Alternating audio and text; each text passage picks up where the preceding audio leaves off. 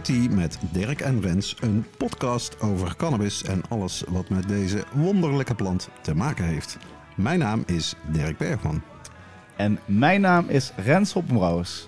Deze aflevering wordt mede mogelijk gemaakt door onze vrienden van Seedstockers. Betaalbare cannabiszaden voor thuiskwekers verkrijgbaar op www.seedstockers.com. Voor deze 69e aflevering zijn wij afgereisd naar eh, Tiel, de parel van de Betuwe. En hebben we een van de grote cannabispioniers uit onze Nederlandse geschiedenis te gast, Wernard Bruining. Welkom in de High Tea podcast, Wernard. Ja, en jullie welkom in de Medewiet-kliniek. Dankjewel, Ja. dankjewel. Leuk dat jullie er zijn. Ja, Bernard is al een halve eeuw actief met cannabis op allerlei manieren. Hij richtte de eerste koffieshop van Amsterdam op, Mellow Yellow. De eerste grow shop van Europa, Po- Positronics. En de cannabiskrant Soft Secrets. De afgelopen En het 15... bedenken van het woord Medewiet. En, Want dat vind ik belangrijker Oh. dan, dan die koffieshop. Oké, oké. En, oké, en om toe te voegen het woord mediewiet. Ja. Ja, precies. De afgelopen 15 jaar richt hij zich helemaal op mediewiet, zoals we zeiden. Het woord dat hij zelf aan de Nederlandse taal heeft toegevoegd. Dat Ja. bedoel ik maar. Kijk, Eh, al die dingen gaan we natuurlijk allemaal uitgebreid eh, bespreken in deze aflevering. En daarom skippen we de nieuwsrubriek een keer. Zo. ja, want, maar je kunt wel luisteren naar onze andere vaste rubrieken. Wat zit er in je joint vandaag? De oude doos, reacties van luisteraars en het High Tea podcast Kweekhoekje. Zo is het maar net. Dit is High Tea met Dirk en Rens, aflevering 69. Ja, en eh, zoals altijd beginnen we met onze eerste rubriek. Wat zit er in die joint vandaag?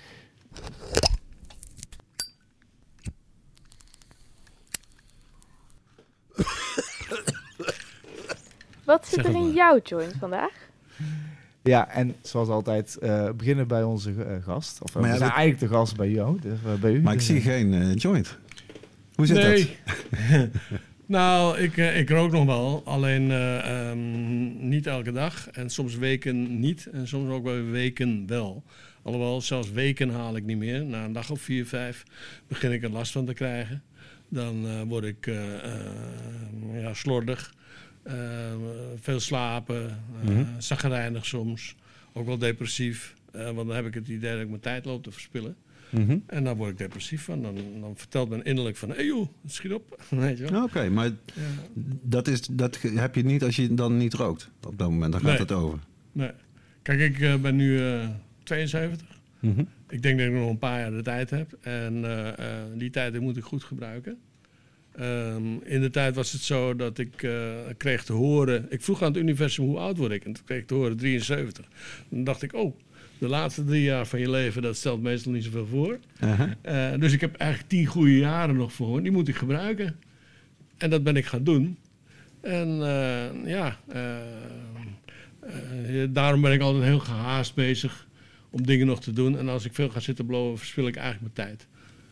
Oké, interessant. Ja. Ja, Ja, ik doe veel met het universum hoor. Maar ja, dat is niet zo vreemd als je bloot, toch?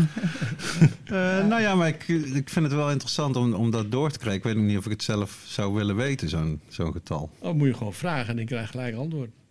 Ja, maar wil je dat inderdaad weten? Want dan... Tuurlijk. Ja? Ja man, dat is hartstikke makkelijk. Want dan weet je in ieder geval wat je nog... eh, dan kan je een planning maken, toch? Ja, maar is het, dan denk ik meteen aan die uitspraak van John Lennon.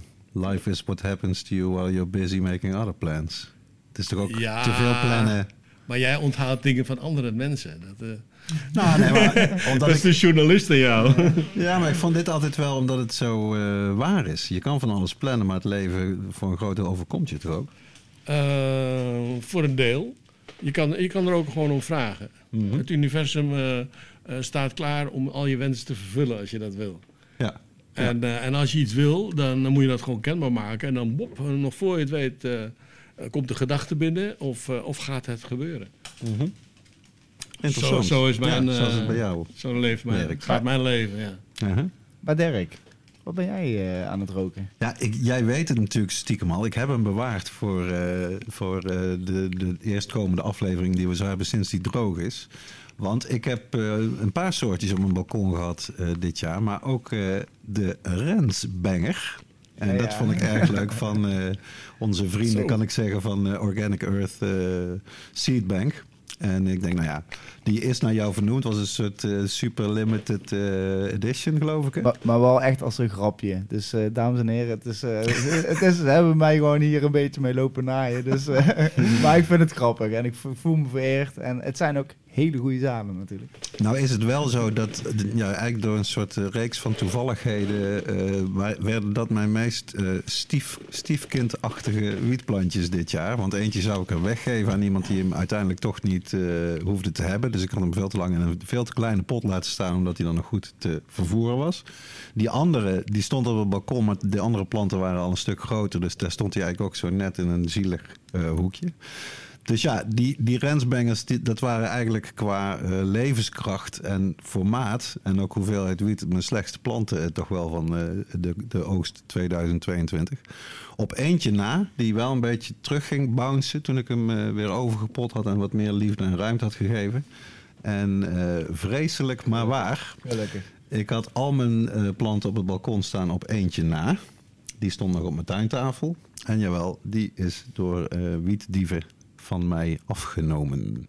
Ik kwam op een ochtend eh, mijn achtertuintje in en eh, er was nog maar een zielig stompje over. 4 centimeter boven de grond. Dus dat betekent dat ik nog maar één Rensbanger plantje over had. Die veel kleiner was. En eh, nou ja, het potje wat ik hierbij heb. We zitten overigens, dat is heel bijzonder, op een eh, livestream van Stichting Mediwiet. eh, Terwijl we dit doen. Dit, dit is te bekijken of later terug te zien. Dus dit is ongeveer ook het enige wat, wat ik over heb van die plant sinds het gedroogd is. Een minimale hoeveelheid. Dus extra reden om die eh, tijdens deze IT podcast eh, te roken. En ja, ik kan er eigenlijk nog weinig van zeggen. Ik heb er pas een paar trekjes van genomen. Maar ik heb het zelf gekweekt, dus dan moet het toch wel goed zijn. Laat het u in ieder geval smaken, Dirk. Dank u wel, eh Mr. Rensbanger. En eh, wat heb jij daar eh, liggen? Nou ja, eh, wil je er zelf mee komen of zal ik zelf maar eh, gaan beginnen? Ik ben benieuwd. Eh, nou ja, voor- ik, eh, ik, ik, ik moet een bekenning eh, doen aan, eh, aan onze luisteraars. En, ik, ik, ik, ben, ik ben altijd een voorvechter van pure cannabis geweest. En ik heb het ook, ik heb mezelf toen een jaar heb ik een, een, afspraak met mezelf gemaakt dat ik een jaar geen tabak zou roken. Dat is me zeer gelukt. Een jaar en twee maanden of zo. Alleen, ja, ik, ik werk in een koffieshop eh, om, om dingen dus ook te, te proeven. Dat, dat zit ook vaak hars bij. En ik moet zeggen, ik kom vaak in de gelegenheid om hele lekkere hars te roken. En Ja, eh, dat zegt niks. Eh, dat kan ik jou nazeggen. Maar ik ben nog niet teruggevallen tabaksjunkie Rens. nee, maar ik, ik ben blij dat jij in ieder geval wel een ruggengraat hebt, weet je wel. En, en ik ben ook heel blij dat ik heel veel mensen heb meegetrokken. Want ik, ik, Absoluut. ik, ik zie het gewoon meer maar van...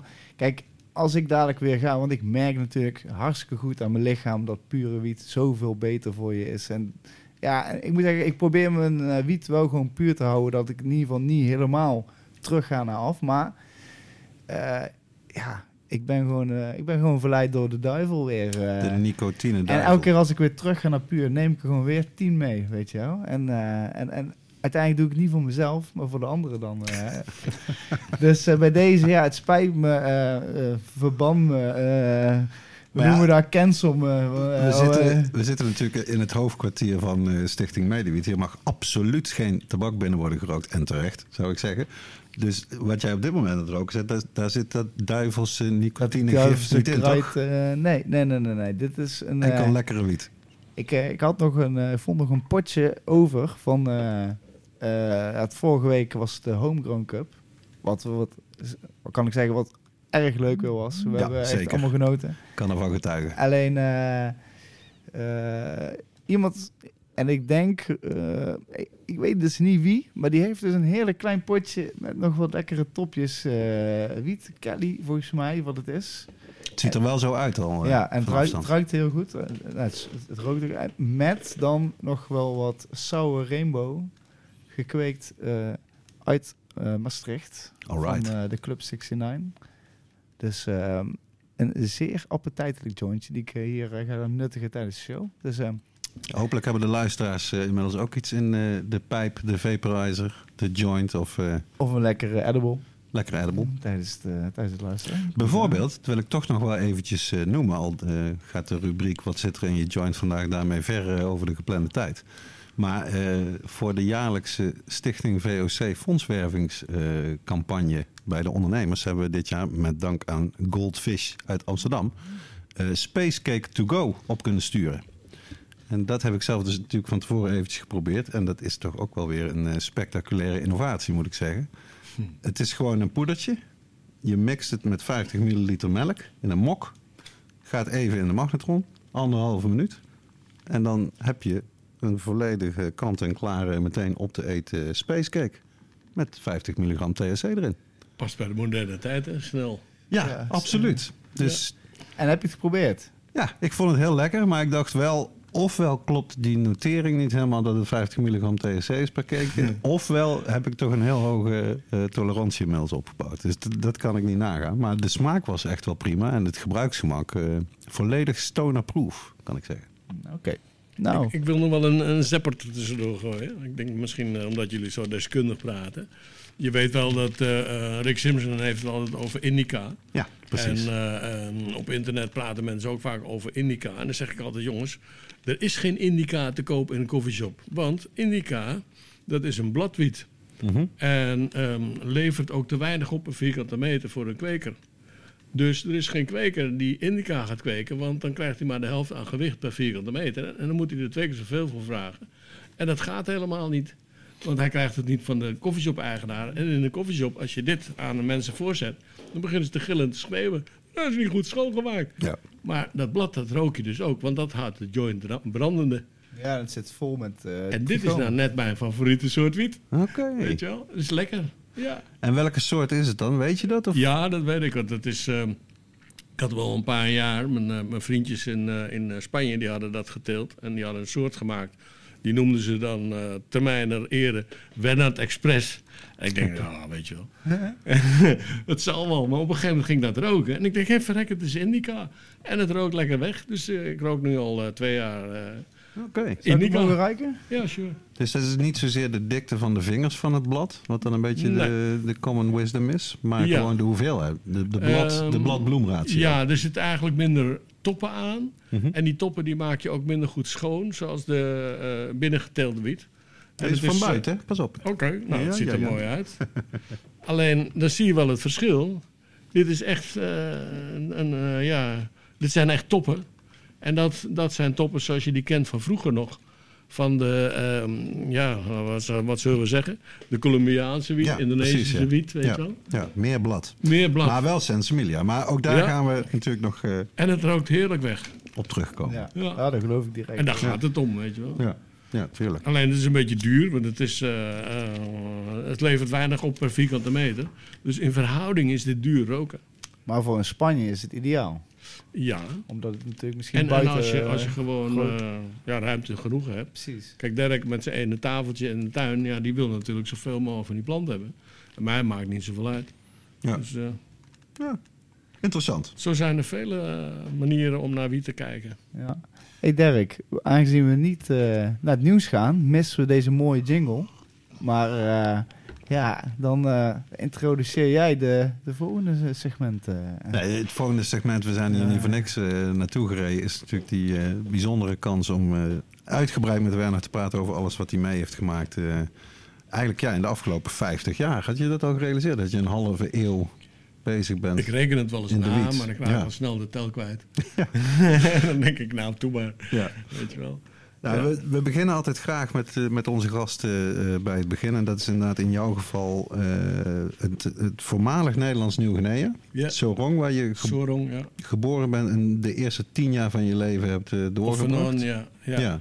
We gingen regelmatig met vakantie en verlof. Hè. Dus vakantie, dat was dan kleine vakanties. Dan ging je naar Singapore of naar Hongkong of naar Australië. Een grote vakantie was dan naar Nederland. Oké. Dus eh, in mijn jeugd, de eerste tien jaar, veel gereisd. Mhm. Veel gezien.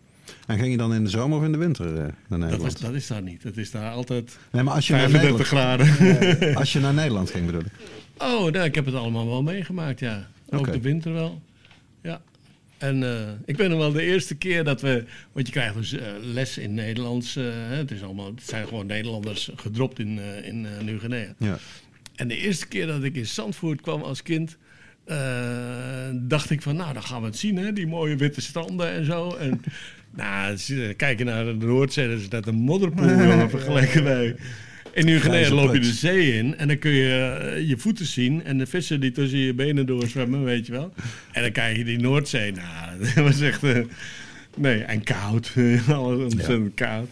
Ja. Want, want heb jij ook dat, dat verlangen, wat natuurlijk heel veel eh, Indo's, zoals eh, ja, ik kan zo je, nou, jou ook kan noemen, een soort verlangen terug naar iets wat er waarschijnlijk ook niet meer is? Of was het echt, dat is een afgesloten deel van mijn leven? Ja, dat is en een afgesloten deel.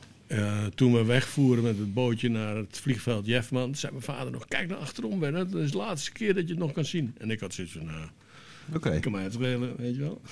En dus er was in die zin ook vanwege die vakantie niet zo'n soort schok toen je helemaal verhuisd was? Nee, want ik, was, ehm, ik had in Nederland al op drie verschillende scholen gezeten eh, voor ik tien was.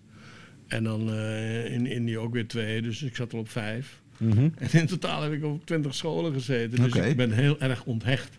Mhm. Ik hoor nergens thuis. Ja. En, en kijk dus ook eh, iedere keer van een grote afstand naar, eh, naar Nederland en alles wat er om me heen gebeurt. Want we, gingen jullie wel naar Amsterdam? Ben je in Amsterdam je jeugd? eh, ja eh, Oké. verschillende plekken. We hebben op de drie, vier verschillende. We drie keer zijn we eh, met verlof in Amsterdam geweest. mhm. En daarna heb ik er eh, ook nog gewoond en alles. Alles bij elkaar heb ik misschien wel 20, 25 huizen Wauw. bewoond. Ja, dus echt helemaal onthecht. Mhm. Ja. Eh, ik kwam ergens tegen dat jij eh, in 1968, dus je zou kunnen zeggen, eh, ja, is dat oud of is het jong? Toen je 18 was voor 18, het eerst ja. eh, wiet rookte. Ja, ik zat je- op de kweekschool. En, eh, want ik wou onderwijzer worden. Ja. En dat was een voor de hand liggende keuze toen. Want als je niet wist wat je moest worden, ja, en je kende alleen maar school, dan dacht je van nou, ik wil voor die klas staan, toch? Eh, dus ik ging naar de kweekschool, eh, gemeentelijke kweekschool Amsterdam. En eh, het eerste jaar eh, niet zoveel bijzonders. Eh, het tweede jaar leerde ik blowen, want eh, de ASFA, Amsterdamse Studentenvereniging, zat om de hoek. En een kantoortje. En het was de tijd van de maagdhuisbezetting en Ja. zo. Dus ja, er was wel wat gaande, weet je wel. En wij er naartoe. En daar leerde ik dus blowen. En toen ik leerde blowen, toen ontdekte ik van... hé, hey, er klopt iets niet hier aan die kweekschool. Maar wat dan? Ik wist niet wat het was. En nou weet ik het wel. Eh, de kweekschool is er niet gericht... eh, om eh, kinderen, te, om leraren op te leiden, onderwijzers eigenlijk, die kinderen moeten trainen in zelfstandig denken. Eh, ze worden opgericht, ze worden geleerd om kinderen te gehoorzamen. En toen dacht ik, hier moet wegwezen. Weet je wel? Dus ik ben gelijk van school afgegaan toen. Aha. Ja. En ben gaan werken bij een bank en eh, van allerlei andere dingen. En toen met vriendjes een jeugdcentrum gerund in 1970 was dat. Ja, Second Home heet Second het. Home, ja. Ja. ja. Kan je, kan je eens vertellen hoe dat... eh, we hebben August de Loor onder andere ook was te gast gehad in de, in de IT-podcast. Die heeft die tijd natuurlijk ook bewust meegemaakt. Hoe dat in Amsterdam was rond die tijd. ja. Hoe, hoe, hoe was die scene in 1970? Want een jongerencentrum was toen überhaupt ook een vrij nieuw fenomeen, toch? Ja, het was een vrij nieuw fenomeen. En ehm, het, het dingetje is een beetje van... als je eh, blowers hebt... dan heb je er ook altijd eh één of twee bij... die weten waar je het vandaan kan halen. En, en die gaan dat dan halen en die verdelen het onder hun vriendjes. Dus ja, dat trekt allemaal naar elkaar toe. En zo was het in ons jeugdcentrum ook. Ja. En dan eh, ging om de havenklap ging er iemand even weg. En die haalde dan wat, weet je wel. En dan kwam weer terug en dan verdeelde hij dat. En als je het goed deed, dan hield je wat over. Dan was het gratis. Dat was een beetje Ja. de sport natuurlijk. Ja. Dus de eerste jaren was vooral dat. Aha. En eh, toen ging ik ook eh, naar het jeugdcentrum wonen met eh, mensen die ik uit het jeugdcentrum kende. Op een verdieping in de Vrolijkstraat. En dan woonden we met negen man in een kamertje, nog de helft van dit. en de hele dag maar blowen, weet je wel. En allemaal vriendjes en vriendinnetjes op bezoek krijgen. Die kwamen een stukje halen en wij maar gratis blowen. Dus het was ontzettend leuk eigenlijk. Ja. En dat zat er dan op een gegeven moment in dat je het gevoel hebt dat je voor de anderen moet zorgen. Weet je wel, je vriendjes, daar moet je voor zorgen dat die wat er ook hebben. Ze zijn allemaal te gast. Allemaal te gast, dus Ja. je zet kopjes thee voor ze, weet je wel. Dus, eh, toen was op een gegeven moment het idee van, eh, nou, daar moeten we eigenlijk een, eh, een, een, een baantje van maken. Of een koffiehuis of een koffieshop beginnen. Dan eh, verdien je er ook wat aan. Dan hoef je niet te werken bij een uitzetbureau, want dat was in die tijd, werkte je bij een uitzetbureau. En dan hebben we de hele tijd te blowen. Dus eh, zo... eh, Alleen maar voordelen. Alleen maar voordelen. ja. Zo, zo begon dat. En toen was het natuurlijk al snel vanzelf zo dat omdat we. Dat, dat op een gegeven moment ging dat de keel uithangen. Drie, vier, vijf keer per week iets halen. Eh, toen was er een vriendje van Herman. En die zei: Nou, weet je wel, ik leen je wel wat geld. En dan kopen we een pondje. En dan eh, snijden we dat in stukjes. En dan doen we een zakje. En dan is het klaar. En wij dachten: ah, dat is een goed idee. En dan is het klaar. Maar dat was niet zo. Dat was juist het begin Dat van alles. begin. Ja. Ja, ja. Want toen was het heel makkelijk. Toen ging het heel snel. Mhm. En ook omdat we als, eh als koffieshop, of als theehuis noemden we dat, eh, publiekelijk toegankelijk waren, Ja. kregen we steeds meer mensen over de vloer. Zoveel dat we op een gegeven moment de rem erop gingen zetten. Dus we gingen niet meer s morgens vroeg open, maar zo laat mogelijk in de middag. En op een gegeven moment pas na zessen, weet je wel. En eh, ja, er stonden er nog eh rij mensen tot buiten op de stoep. Ja, en dat blijft maar dat, doorgaan, dat, joh. dat vroeg ik me af. Hè. Dat, dat is het, eh, ja, het, het beroemde verhaal. De, de voormalige bakkerij aan de Weesperzijde. Ja. Ik, ik vroeg me af, hoe snel ging dat lopend vuurtje rond? Hoe, hoe snel kwam, eh, had je zeg maar die Snel. loop erin? Ja, wel snel. ja, binnen een half jaar moesten we echt professionaliseren, om het zo maar zo te zeggen. Oké. En ehm, ja, dat, dat liep ook weer uit de hand op zijn manier. Dus je gaat ontdekken dat als je meerdere soorten koopt, dan is dat ook lekker voor jezelf, maar ook lekker voor je publiek. Want de een wil dit, de ander wil dat. Dus nou, dan ga je dat regelen. En dan is de regel zo van als je een pondje of een kilo koopt, betaal je een prijs. Maar koop je twee kilo, ah, dan krijg je korting. Koop je er vijf, dan nog meer korting. Koop je er tien, weet je wel zo. En dan eh, op een gegeven moment was ik dan alsmaar bezig met 10 kilo, 20 kilo, 30 kilo. En dan stoot ik de rest door. En dan had ik voor de shop eh, een aantal kilo's voor een leuke prijs. En eh, op een gegeven moment was ik alleen maar bezig als een soort makelaar. De hele tijd maar eh kilootjes te kopen en door te verkopen. En dan had ik een vriendje en die moest het dan wegbrengen. En dan had je een stash, weet je wel, allemaal Ja. dat soort dingen. Ja. Totdat ik op een gegeven moment ging uitrekenen hoeveel zetten we nou om. En toen was het 100 kilo per dag. Toen dacht ik, ja, wacht even. Oh, dat is niet de bedoeling. Gelijk de rem erop gezet, hè. En gelijk mee geëindigd. En dan, dan vanuit het, het risico dat het misschien met zich meebracht? Of meer vanuit Nee, het idee, gewoon- ik wil geen groothandelaar zijn? Ik had niet het idee dat ik daarvoor op aarde was. Hmm. Simpel. Ja. Je was eigenlijk eh, puur bezig alleen maar met handelen, handelen, handelen. Ja, om, om de mensen, eh, om mijn vriendjes eh, te servicen. ja. Weet je wel? Want dan vond ik het leuk om te zeggen van, nou, we hebben hele goede Libanon en we hebben hele goede pagen. We hebben Afghaan en eh Kashmir en eh, noem het erop, weet je wel. Maar ja, dat moest je wel iedere keer aanvullen, want dan was het weer op. ja, precies. Ja. Want je had in die tijd natuurlijk wel in Amsterdam ook eh, de huisdealer bij het jongerencentrum. Ja, Waar volgens mij, ik weet niet eens wie het nou eh, laatst ook tegen me zei. Ja, dat was juist omdat het een monopolist was. Want er werd dus maar één dealer toegestaan in het jongerencentrum. Was dat gewoon vrij slechte shit meestal. ja, ja, ik heb regelmatig ruzie staan maken met die dealer in de Melkweg. Je wel, en dan zei ik, god voor u, eh, je hebt hier een, een wereldbaan. Ja. Eh, je mag eh, kopen en verkopen wat je wil. En, en je hebt alleen maar één soort hash of zo. Of één soort...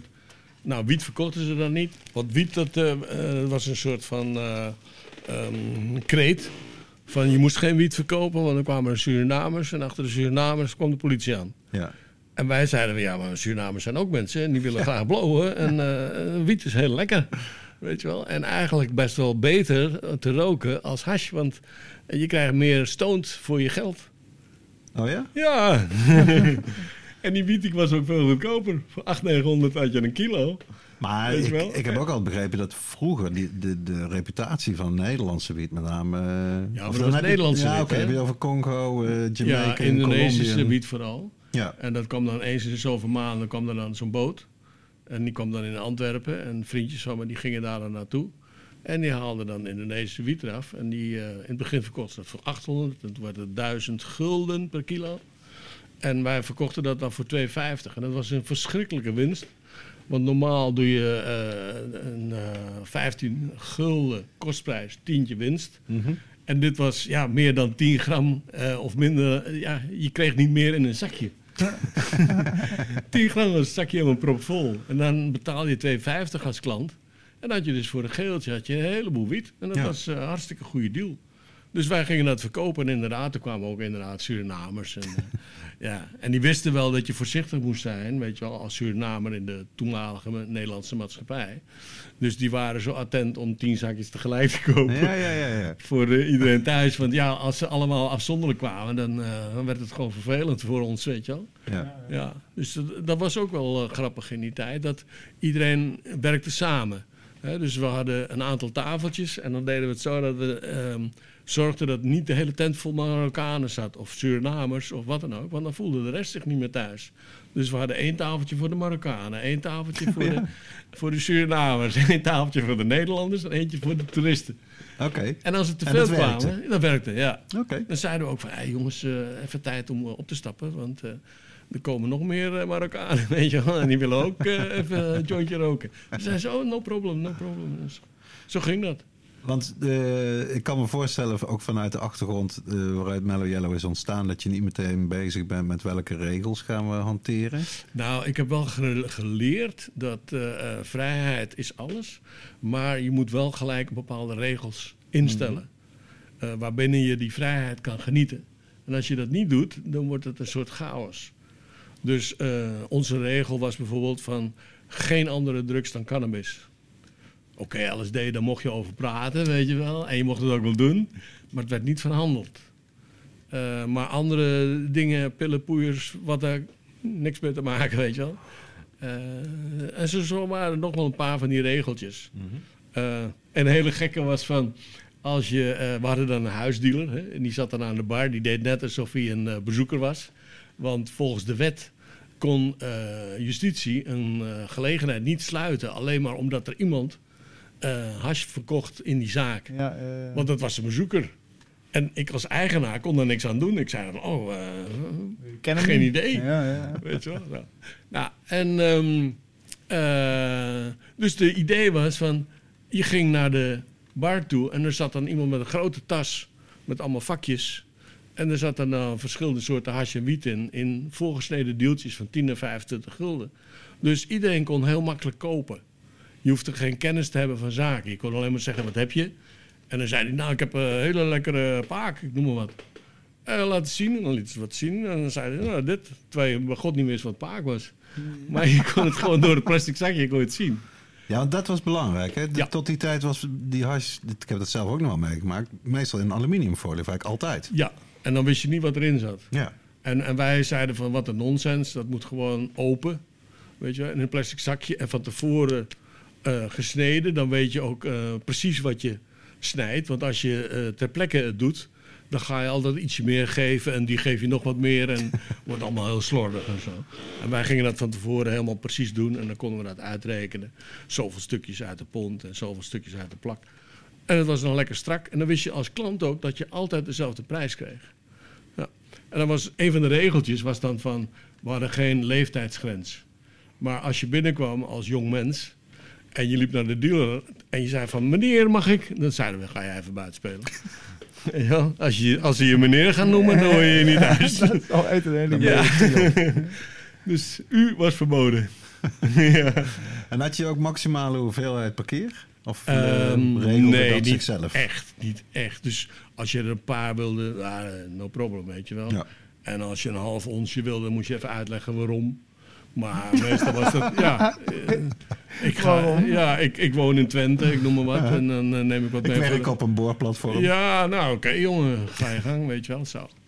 Ja. Dus dat ging allemaal, al die regeltjes eh, die er nu zijn, die waren er toen niet.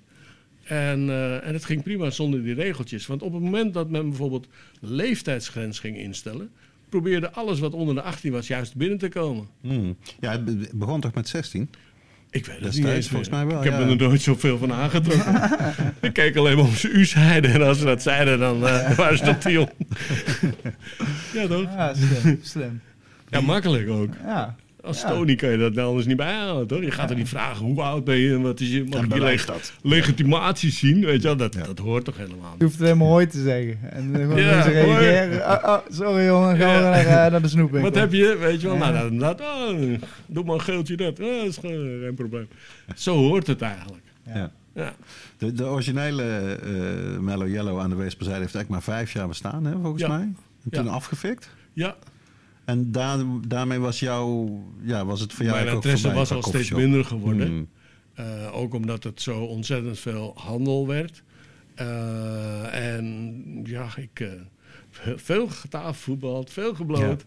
En toen was er een Amerikaan en die eh, kwam wel eens bij ons en die zei van... als je eens in Amerika bent, dan moet je bij me langskomen. dacht ik altijd, ja, wat een nonsens, weet je wel. Ik, ik ben nooit in Amerika. Nee, maar dan zei ik, ah, dat is goed.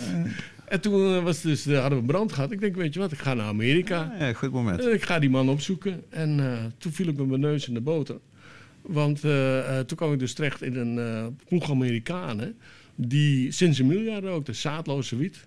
Die heel anders met wiet omgingen als wij. Mhm. Dus ze haalden de mannetjes weg. Ze behandelden die wiet alsof het goud was. Weet je wel? En verpakten het in plastic. En het was ook inderdaad 5, 6, 7, 8 keer meer waard als de Indonesische die we in Nederland rookten.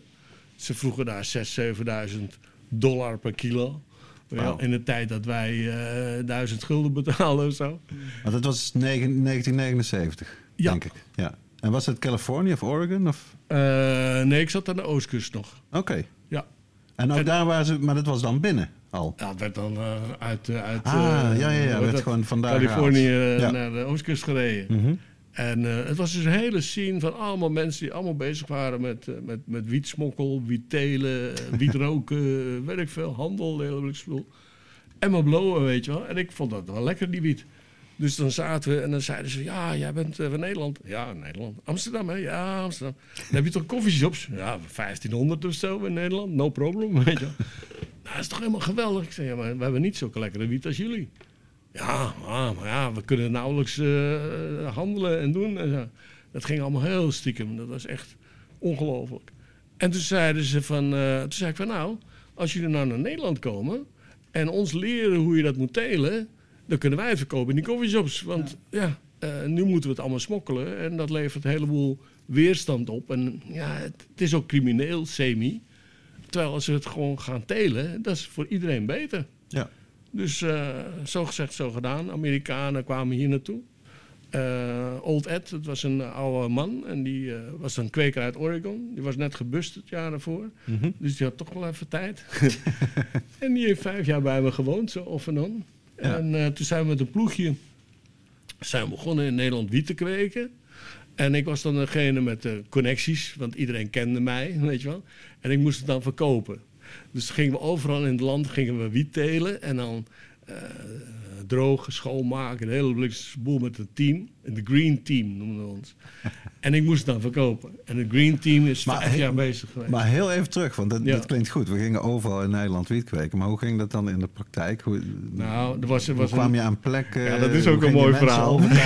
dat is een mooi verhaal. Een, eh, eerst, eerst gingen we heel statistisch denken. Dus eh, statisch. Dus je denkt van je moet een boerderijtje hebben en dan heb je een veldje achterin wat niemand ziet en dan gaan we dan die wiet verbouwen. Dus wij met een hoop moeite geld geleend van een stelletje mensen die hadden hun eh, geld verdiend in de illegale alcoholhandel in Amerika tijdens de bootleg. Wauw. Ja, man, dat was even gek. En die leende ons wel even geld, hè. En eh, nou, wij een boerderijtje gekocht in Friesland. Waar dan een eh, mooi stukje was in een bosje erachter. En dan gingen we dan die wiet verbouwen. Het eerste jaar eh, 10 kilo, geloof ik, of zo, 5 kilo. Uh-huh. Gewoon Stel buiten? Of ja, gewoon buiten. Gewoon Gewoon buiten, ja. Het tweede jaar, toen dachten we nou, eh, wat hebben we nodig? Zoveel mensen hebben we en dit en dat. En ze zo allemaal uitrekenen. Moesten minstens duizend vrouwelijke planten hebben. Nou, dat werd al eh, serieus, weet je wel. Dus wij die duizend vrouwelijke planten maken. En die stonden, nou die waren nog geen kniehoog. In, in zakken stonden die in de, achter in het veldje. En toen kwam er een rijkspolitieman langs op zijn fietsje. en wij stonden ons nep groentetuintje net te onderhouden. Het was een nep groentetuintje. Hij zei, jongens, wat doen jullie hier? Wij van, eh, nou, eh, wij genieten van het buitenleven. Hè? En, eh, lekker schoon en zo. We komen uit Amsterdam. En ja, wel- Terug naar de natuur. ja, terug naar de natuur. Hij zegt, ik geloof er niks van. En eh, ik weet niet wat jullie hier doen. En ik wil het ook niet weten ook. Maar ik wil je wel één ding zeggen. Wat jullie hier ook doen, je moet het niet nog een keer doen. En wij van, eh, oké. dus toen ging hij weg. En het heeft alles bij elkaar een kwartier geduurd. Het was dus de eerste wietkwekerij was opgerold door een eh rijkspolitie op een fietsje in een kwartiertje. Ja, ja, ja. En toen zaten wij dus met duizend vrouwelijke planten. En eh, ja, toen gingen we als, als een gek iedereen bellen van weet jij iemand waar we een paar planten kwijt kunnen? Want het stond in potten of volle Ja, het zijn van die growbags. Oh, Oké, ja, Plastic dat, zakken. dat, dat scheelt dan nog wel. Ja, dus toen moesten we duizend planten, moesten we ineens een ander adres voorzien te vinden. En eh, dat is ons ook wel gelukt. Maar het effect daarvan was dat we veel groter werden. Want in plaats van één kwekerij in Friesland, waren er ineens twintig. Weet je wel? Een beetje het hoofd van Medusa, toch? Ja, er wordt eentje afgehakt en dan komen er vijf voor terug. eh. Ja, dus, Die arme dus rijkswachter die heeft geen idee wat hij veroorzaakt Ja, heeft. maar die man, die, die Amerikanen, die waren zo onder de indruk. Die zeiden, oh, how graceful en zo. Ja, heeft die man dat- dat opgelost, weet je wel. Dat is wel zo ook. natuurlijk. kwartiertje, meer heeft het niet gekost. Ja, wow. Dat was ook zo. En wij vonden het ook, eh, ja, zo doe je dat in Nederland, weet je wel. Zo.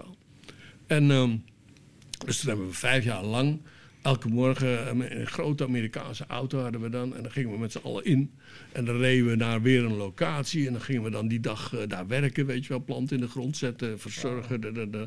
En dan de volgende dag weer naar een andere enzovoort. En dat hebben we vijf jaar lang gedaan. En ik maar verkopen. Ehm, en toen kwam er op een gegeven moment een Amerikaan naar Nederland. Toen was de vraag, Eh, Welke soortjes hadden jullie toen? allerlei soortjes. Eh, En toen kwam er op een gegeven moment de vraag van moeten professionaliseren. Eh, er zijn allerlei nieuwe soorten die eraan komen in Amerika.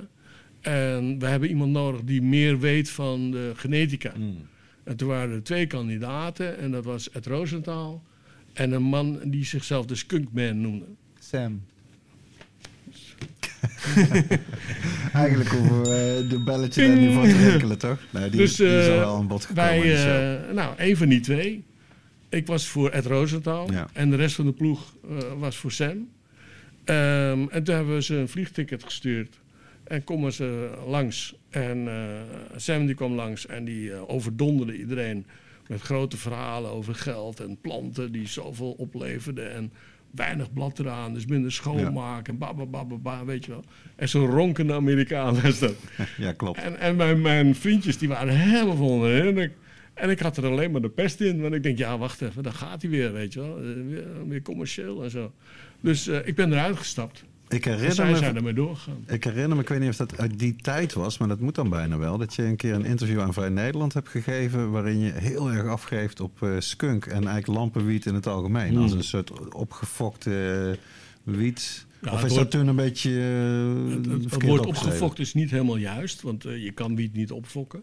Maar je kan er op verschillende manieren mee omgaan. Hmm. Je kan het zien als een, als een sociaal iets.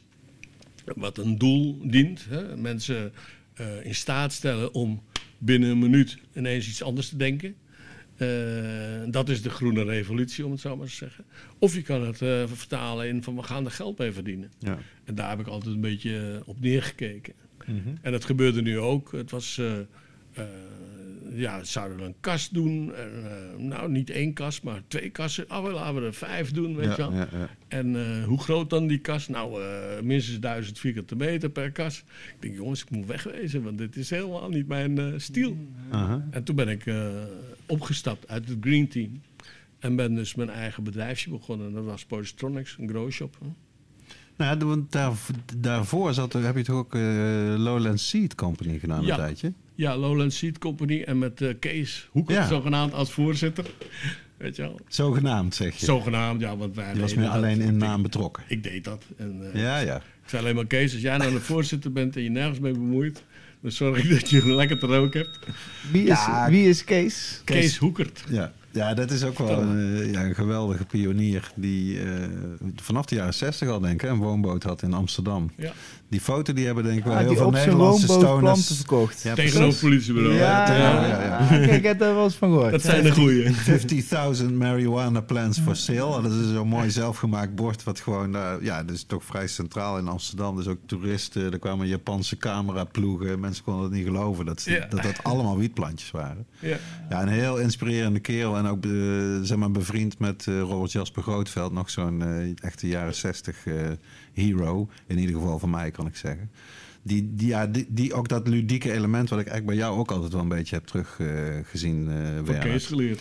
Ja, niet zozeer verbeten bezig zijn. Ook niet zozeer dingen bestrijden. Ook niet, maar daar komen we dadelijk misschien nog wat uitgebreider op. Niet zozeer bezig zijn met politici proberen te overtuigen. eh, om zeg maar legalisering af te dwingen op een of andere Nee. manier.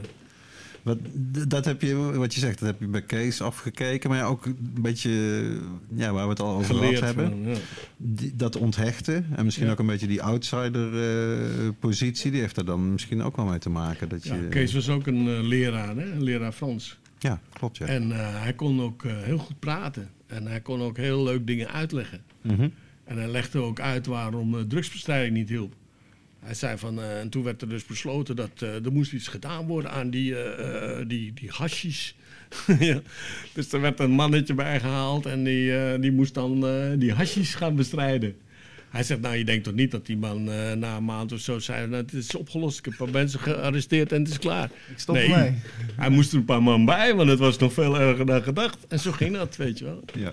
Ja, hij kon het altijd heel leuk brengen. Ik herinner me van hem namelijk ook over andere mensen citeren gesproken. Dat vind ik van hem een prachtig citaat. Dat hij zegt van, is wiet of is marihuana verslavend? Ja, eh, is een vakantie naar eh, Spanje, is dat verslavend? Je wil het heel graag doen en je wil het zo vaak mogelijk doen. Is dat verslavend, weet je wel? Ja, is dat erg? Nou ja, op een soort zo vanzelfsprekende manier dat je eh, inderdaad daar best wel daardoor je mening echt wel kan kantelen. Of in Ja. ieder geval je blik op, op bepaalde dingen. Ja. Zoals Grootveld, die ik ook nog altijd citeer. een fiets is iets, maar bijna niets. ja. Zo mooi. ik hou zeg maar van als iemand erin slaagt, of het nou een dichter is of een activist of een blower. Om in een paar woorden in één zin zeg maar een, een wereld van ideeën als het ware samen eh, te pakken. Ja, en, en mijn ding is altijd van, eh, met cannabis is niet zoveel aan de hand. Of het nou hash of wiet is, maakt allemaal niet uit. Eh, alleen zodra mensen die het niet gebruiken, er zich mee gaan bemoeien, Ja. er mening over hebben en er zich mee gaan bemoeien, dan krijg je problemen. Ja, Dus net hetzelfde als dat je meneer Pastoor vraagt over hoe het moet met seks en het huwelijk. ja. Dan komt hij met idiote dingen als de man moet bovenop, want dat heeft onze lieve heer zo gezegd. Ja, weet je wel. En gelijk natuurlijk alle mannen die zeggen, nou, dat eh, heeft onze lieve heer goed bekeken. ja, dus ik- legalisatie, ik ben er absoluut geen voorstander van. En dat zie je ook nu aan de legalisatie die nu wordt opgetuigd. Mhm. Dat, eh, dat is een doodgeboren kindje. Dat, eh, dat kan nooit wat worden. Want de mensen die de regeltjes eh, opstellen, hebben geen flauw benul waar het om gaat. Het gaat helemaal niet om de productie en de verkoop van hash en wiet. Het gaat erom dat het een eh, bewustzijnsverruimend middel is. Nou, en de mensen die ermee bezig zijn met de regeltjes, die zijn alles behalve bewustzijnsverruimd. Die zijn juist heel narrow-minded. En die proberen het bijzondere dat cannabis is, te reduceren tot iets wat zij kunnen begrijpen. Ja. In plaats van dat ze zichzelf omhoog werken tot dat niveau, trekken ze het naar beneden en zeggen: Oh, het is gewoon een druk, net als eh, alcohol. Ja, maar nee, dat is juist niet zo. Weet je wel, alcohol is heel iets anders. En als je dat zegt, dan, dan geef je jezelf gewoon een enorme vet van onvermogen. En wat, is, wat zou dan wel de goede manier zijn om daarmee om te gaan? Eh, het feit dat eh, het iedereen vrij staat om, om te denken wat hij wil en ehm, daar de hulpmiddelen voor te gebruiken die hij nodig acht. En of dat nou is yoga of religie of bepaalde genotmiddelen of eh, wat dan ook, weet je wel. Dat is up to you. Dat heeft, daar heeft de staat of gezagsdragers, bemoeimannetjes noem ik dat, Ja. die hebben daar niets mee te maken. En het probleem is juist dat die bemoeimannetjes, die snappen dat ze iets missen. En dan kunnen ze twee dingen doen. Ze kunnen zich omhoog werken naar dat niveau, of dat niveau naar hun lage niveau omlaag trekken. En dat is wat er gebeurt iedere keer. Ja. Ja. Ah, ja, nou, ik, Wij weten het al, nou de rest nog. ik, ik- ik werk voor een van de tien legale telers voor Ja. eh Kati. En eh, je merkt inderdaad, ook, ik heb het zelf meegemaakt met de inschrijving daarvoor, met Verties, dat inderdaad de overheid heeft geen idee. Geen idee. Geen idee met waar ze bezig Nee. zijn. Ze Ja. konden ook heel die plannen niet nakijken, omdat ze geen specialisten in huis hadden. Alleen je ziet wel dat nou degene, die tien eh, bedrijven die het zijn geworden, die hebben, zich, die hebben al een groep gevormd, een eh, werkgroep, overleg. Dus je merkt dat ze echt samenwerken om eigenlijk ook zichzelf te reguleren. Want ze merken dat ze dat heel veel dingen, de overheid heeft daar heel slecht over nagedacht. Zoals, zoals die heel die eh, bijsluiter en dergelijke. Ja, Eh, kijk, als je dat... Als je dus het is allemaal te zot voor woorden. Maar eh, kijk, hun hebben geen idee. Dus de input komt nu ook echt wel van, van intern. En dat, ik begin wel te hopen dat dit een voorzet zal zijn voor echt dat, dat ze de markt open gaan gooien. Nou, het kan, Dat alleen maar, het kan alleen maar een succes worden als je begint met A, excu- excuses aan te bieden voor het feit dat je het hebt willen verbieden. Ja. Het gaat je geen flikker aan. Er staat niet. En dat je erkent dat iedereen het recht heeft om het voor zichzelf te bepalen. Dus als je zegt we gaan cannabis legaliseren, dan moet je eerst toestaan dat iedereen cannabis mag gebruiken en mag telen. Je kan eventueel normen vaststellen van nou niet meer dan 10 planten, want dan wordt het commercieel. En dat mag ook, maar dan moet je wel, eh, moet je wel een inschrijving in de KVK hebben. En dan moet je wel, weet je ja, wel. ja, ja. Nou, en- een, beetje, beetje het bier- en wijnmodel. Zoals, eh, ja, Of jij en ik mogen een badkuip vol met bier maken. ja. En er is niks mis mee. Tot Maar- het moment dat we het gaan verkopen. Ja, Want dan gelden er ook eh, niet alleen zeg maar, verbod, regels. maar precies kwaliteitsdingen. En je moet het netjes doen. veiligheid Ja. en terecht, BTW zeg maar. en tot erop. Ja. Ja, nee, ook daar zijn we het eh over Dat hebben we ook gedaan Ja. met, eh met de koffieshoptijd. Hè? Dus die, die hash en die wiet. Toen was ook de vraag, wat doen we daarmee? En toen zei ik gewoon, nou gewoon opgeven aan de belastingen. Ja. En de belasting was toen de tijd, en, en in Nederland zijn ze wat dat betreft eh, redelijk makkelijk altijd geweest. Dan zeiden ze, oh, wat heeft u, waar heeft u dat aan verdiend? Ja, de ver- verkoop van hash. Oh, oké. en hoeveel heeft u, dat, hoeveel heeft u erop gezet? Nou, zoveel kilo, oké. Ja. En dat, eh, geen probleem, als je het maar opgeeft. En zolang je maar betaalt. Als je maar betaalt. Ja. Ja. En, Ja, en we we- hadden ook geen enkele bedoeling om iets anders te doen. Ja. Nee, je wil gewoon... Wij wilden graag je wilt het belasting goed betalen. Ja, ja, is- Alleen die paar honderd kilo die je dan eh, in de week doorschoof, eh, daar had je het dan niet over natuurlijk. Maar ja, goed. Eh, Positronics, eh, je hebt me ooit wel eens verteld dat die naam niet zozeer is verzonnen voor die winkel, voor die growshop, maar eigenlijk voor de, de tafelvoetbalspellen. toch? Ja, ja. Hoe zit dat? Nou, ik het vond- woord is natuurlijk al gevallen, tafelvoetbalspel. maar- Positieve tronica was het eh, Aha. En dat kwam omdat in de koffieshop ehm, eh, er was één ding wat je beter kon als je blode en dat was tafelvoetballen. En flipperen kan ik daar toch wel aan toevoegen. Flipperen, daar kon je op ingaan, maar je kan niet beter spelen. Jawel, door betere concentratie speel je beter. dat kun je, je komt in een flow. Maar het idee was ook Jawel. van, als je gaat flipperen, dan verlies je altijd. Er Ja, komt ja, een ja, moment dat, dat die bal eh, weg is. Het is een heel naspel Nou, eigenlijk. nee, je haalt Eigenlijk, highscore. ja. Als je Ja. highscore haalt, dan heb je toch gewonnen? Ja, maar de mens verliest altijd van de machine. Ja. En, Klopt. en bij tafelvoetbal is de machine dienstbaar aan de mens. Wauw. En je hebt De altijd, filosofie van het Ik tafelvoetbal. had er Ja. nog nooit zo over nagedacht. maar je hebt altijd één winnaar of soms twee. Aha. Ja, want je kan met teampjes. Dat Ja. is natuurlijk ook heel en als leuk. je bloot, dan eh, krijg je dat je eh, dingen loslaat en dan voetbal je beter. Je moet niet nadenken tijdens tafelvoetballen. Je moet gelijk reageren. Als je even denkt van, oh, ik heb de bal, nou moet ik een truc doen, ben je al te laat. Ja, eh, Ja. het moet gewoon gaan. Ja, je moet gewoon gaan. En dat, dat vonden wij een, eh, een gunstige training, om het zo maar te zeggen. Dus we tafelvoetbalden de hele dag. Maar ben je dat altijd blijven doen? Of Ja. is dat toch wel... Oké. Ja, ik kan het nu nog goed.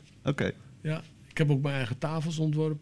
Uh-huh. Ja, Ja, want dat was toch de Positronics tafel? Volgens mij heb ik Ja. er wel eens op Ja, gespeeld ik had, zelfs. eh, ik heb Wat robuuster en andere soort... ja en, en zo dat je niet hoeft te bukken om te Ja. spelen. Ja. Eh, dat het speelveld niet glad is. Ehm, nog steeds de beste tafelvoetbalkast die, eh, die er is eigenlijk. Alleen het is nooit een bedrijf geworden.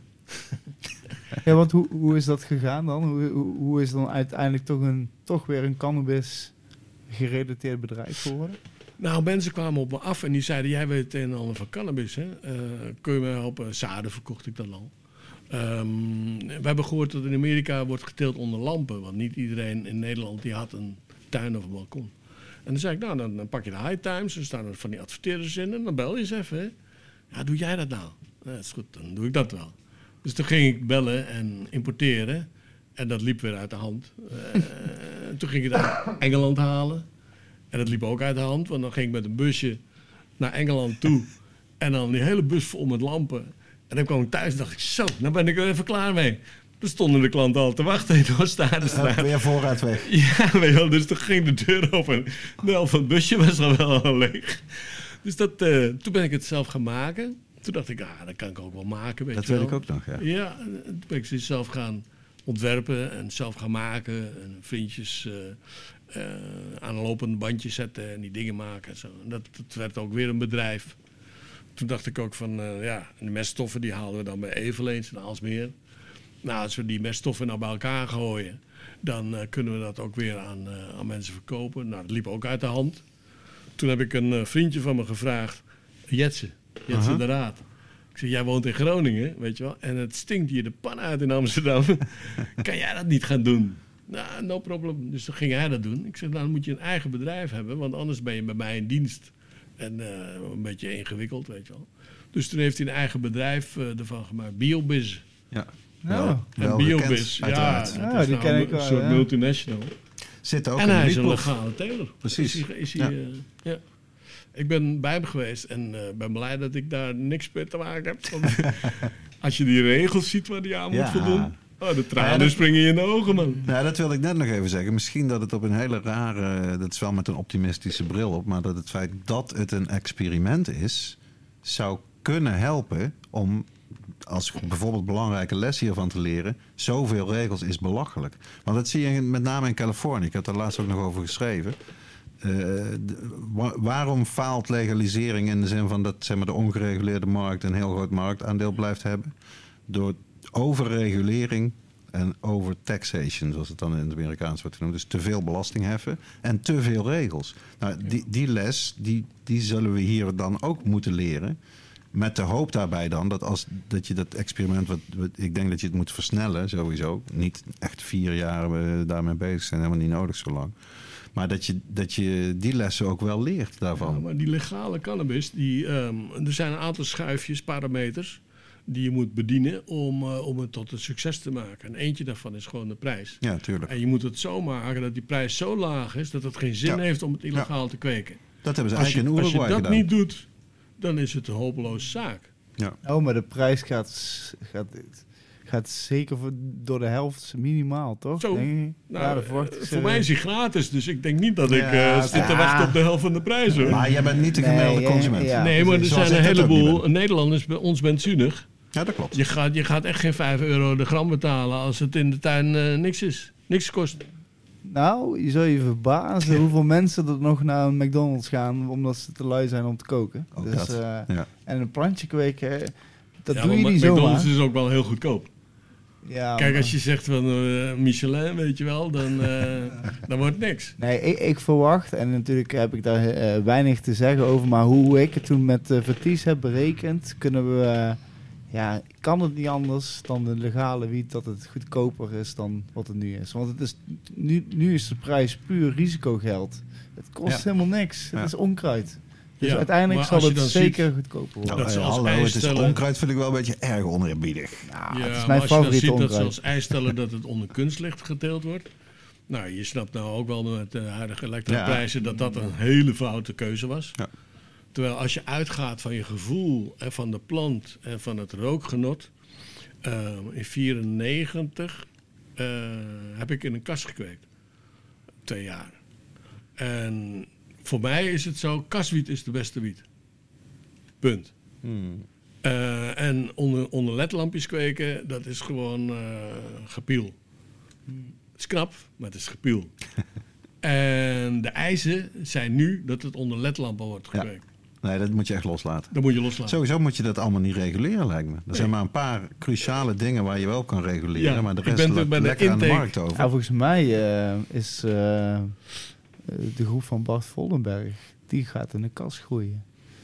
Dat zal ook wel eh, Dus het- beste zijn. is moet ook gewoon- Maar misschien zijn zij wel geswitcht vanwege precies wat jij zegt, Werner. Dat natuurlijk die elektriciteitsprijs is wel een factortje. Hij is Ja. altijd al geweest. Dus Ja. eh, maar niet uit. Het is in ieder geval... Ik, ja, we gaan het gewoon zien, weet je. Ook, We gaan dat is het altijd al. Het kan alleen maar als je eerst begint te herkennen dat het ieder voor zich eh, vrij staat om te kweken voor eigen gebruik. Ja. Ja.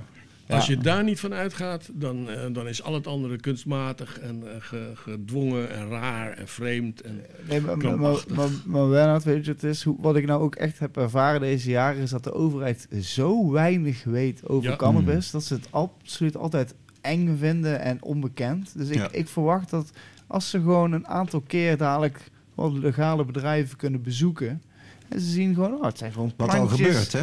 Ja, maar toch te weinig nog. Maar Ja. gewoon, weet je wel, dat ze gewoon kunnen zien dat het een simpel plantje is. En dat het gewoon niks anders dan is dan bier of wijn. Dan is, gaat eigenlijk heel dat stigma gaat er wel af. Want nu is het natuurlijk alleen nog maar onderwereld. En eng en drugs en verslaving. En het is, Psychose. dus ik verwacht, ik, wat mijn hoop is, want ik, ik ben volkomen met, eh, met, met jou eens. Ik wil u zeggen, maar daar heb ik ook uitgeschopt. maar, maar het is gewoon, kijk, ze moeten het eerst eventjes even zien. Voordat ze het echt. Ja. eh, het, is, het is Ze altijd. moeten, ze moeten oprotten. Ja, ja, klopt. Dat hopen we natuurlijk ook. Maar Maar in de tijd uiteindelijk. die, die, eh, ze begonnen met een inspraakrondes. Dus informatie, weet je wel, eh, haalden ze zaadkwekers en eh koffieshop-eigenaren en alles en iedereen erbij. In een aantal rondes, Ja, ja. gespreksrondes. Ik- is er ook nog geweest, volgens Ja. mij. Ja, ja, zeker. Ja, ik was er ook bij, bij een van die rondes. En eh, toen was die eh, voorzitter van het clubje Knot Serious, heette die man. En die zei Ja. toen van ja... Knot Neres. Oh, Knot Neres. oh Neres, ja. Mooie naam. Aardige man, maar aardig. geen flauw benul waar Nee, hij het over heeft. nee. En die zei van ja, we hebben nou een aantal van die gesprekken gehad. En ik vraag me af, eh, zo in de loop der tijd, eh, is één grote vraag. Het lijkt wel alsof de mensen ons niet vertrouwen. Hoe komt dat nou? En toen zei ik, nou, mag ik even wat zeggen? Jullie hebben 30, 40 jaar lang bij ons de deur in lopen trappen. En, en ons lopen fouilleren en auto's aanhouden, weet ik veel wat. Wat denk je dat we van jullie denken? Ja, het is slechts een menselijke Het is toch reactie. raar dat je, dat Ja. je daar geen idee over hebt wat het effect daarvan is als burger.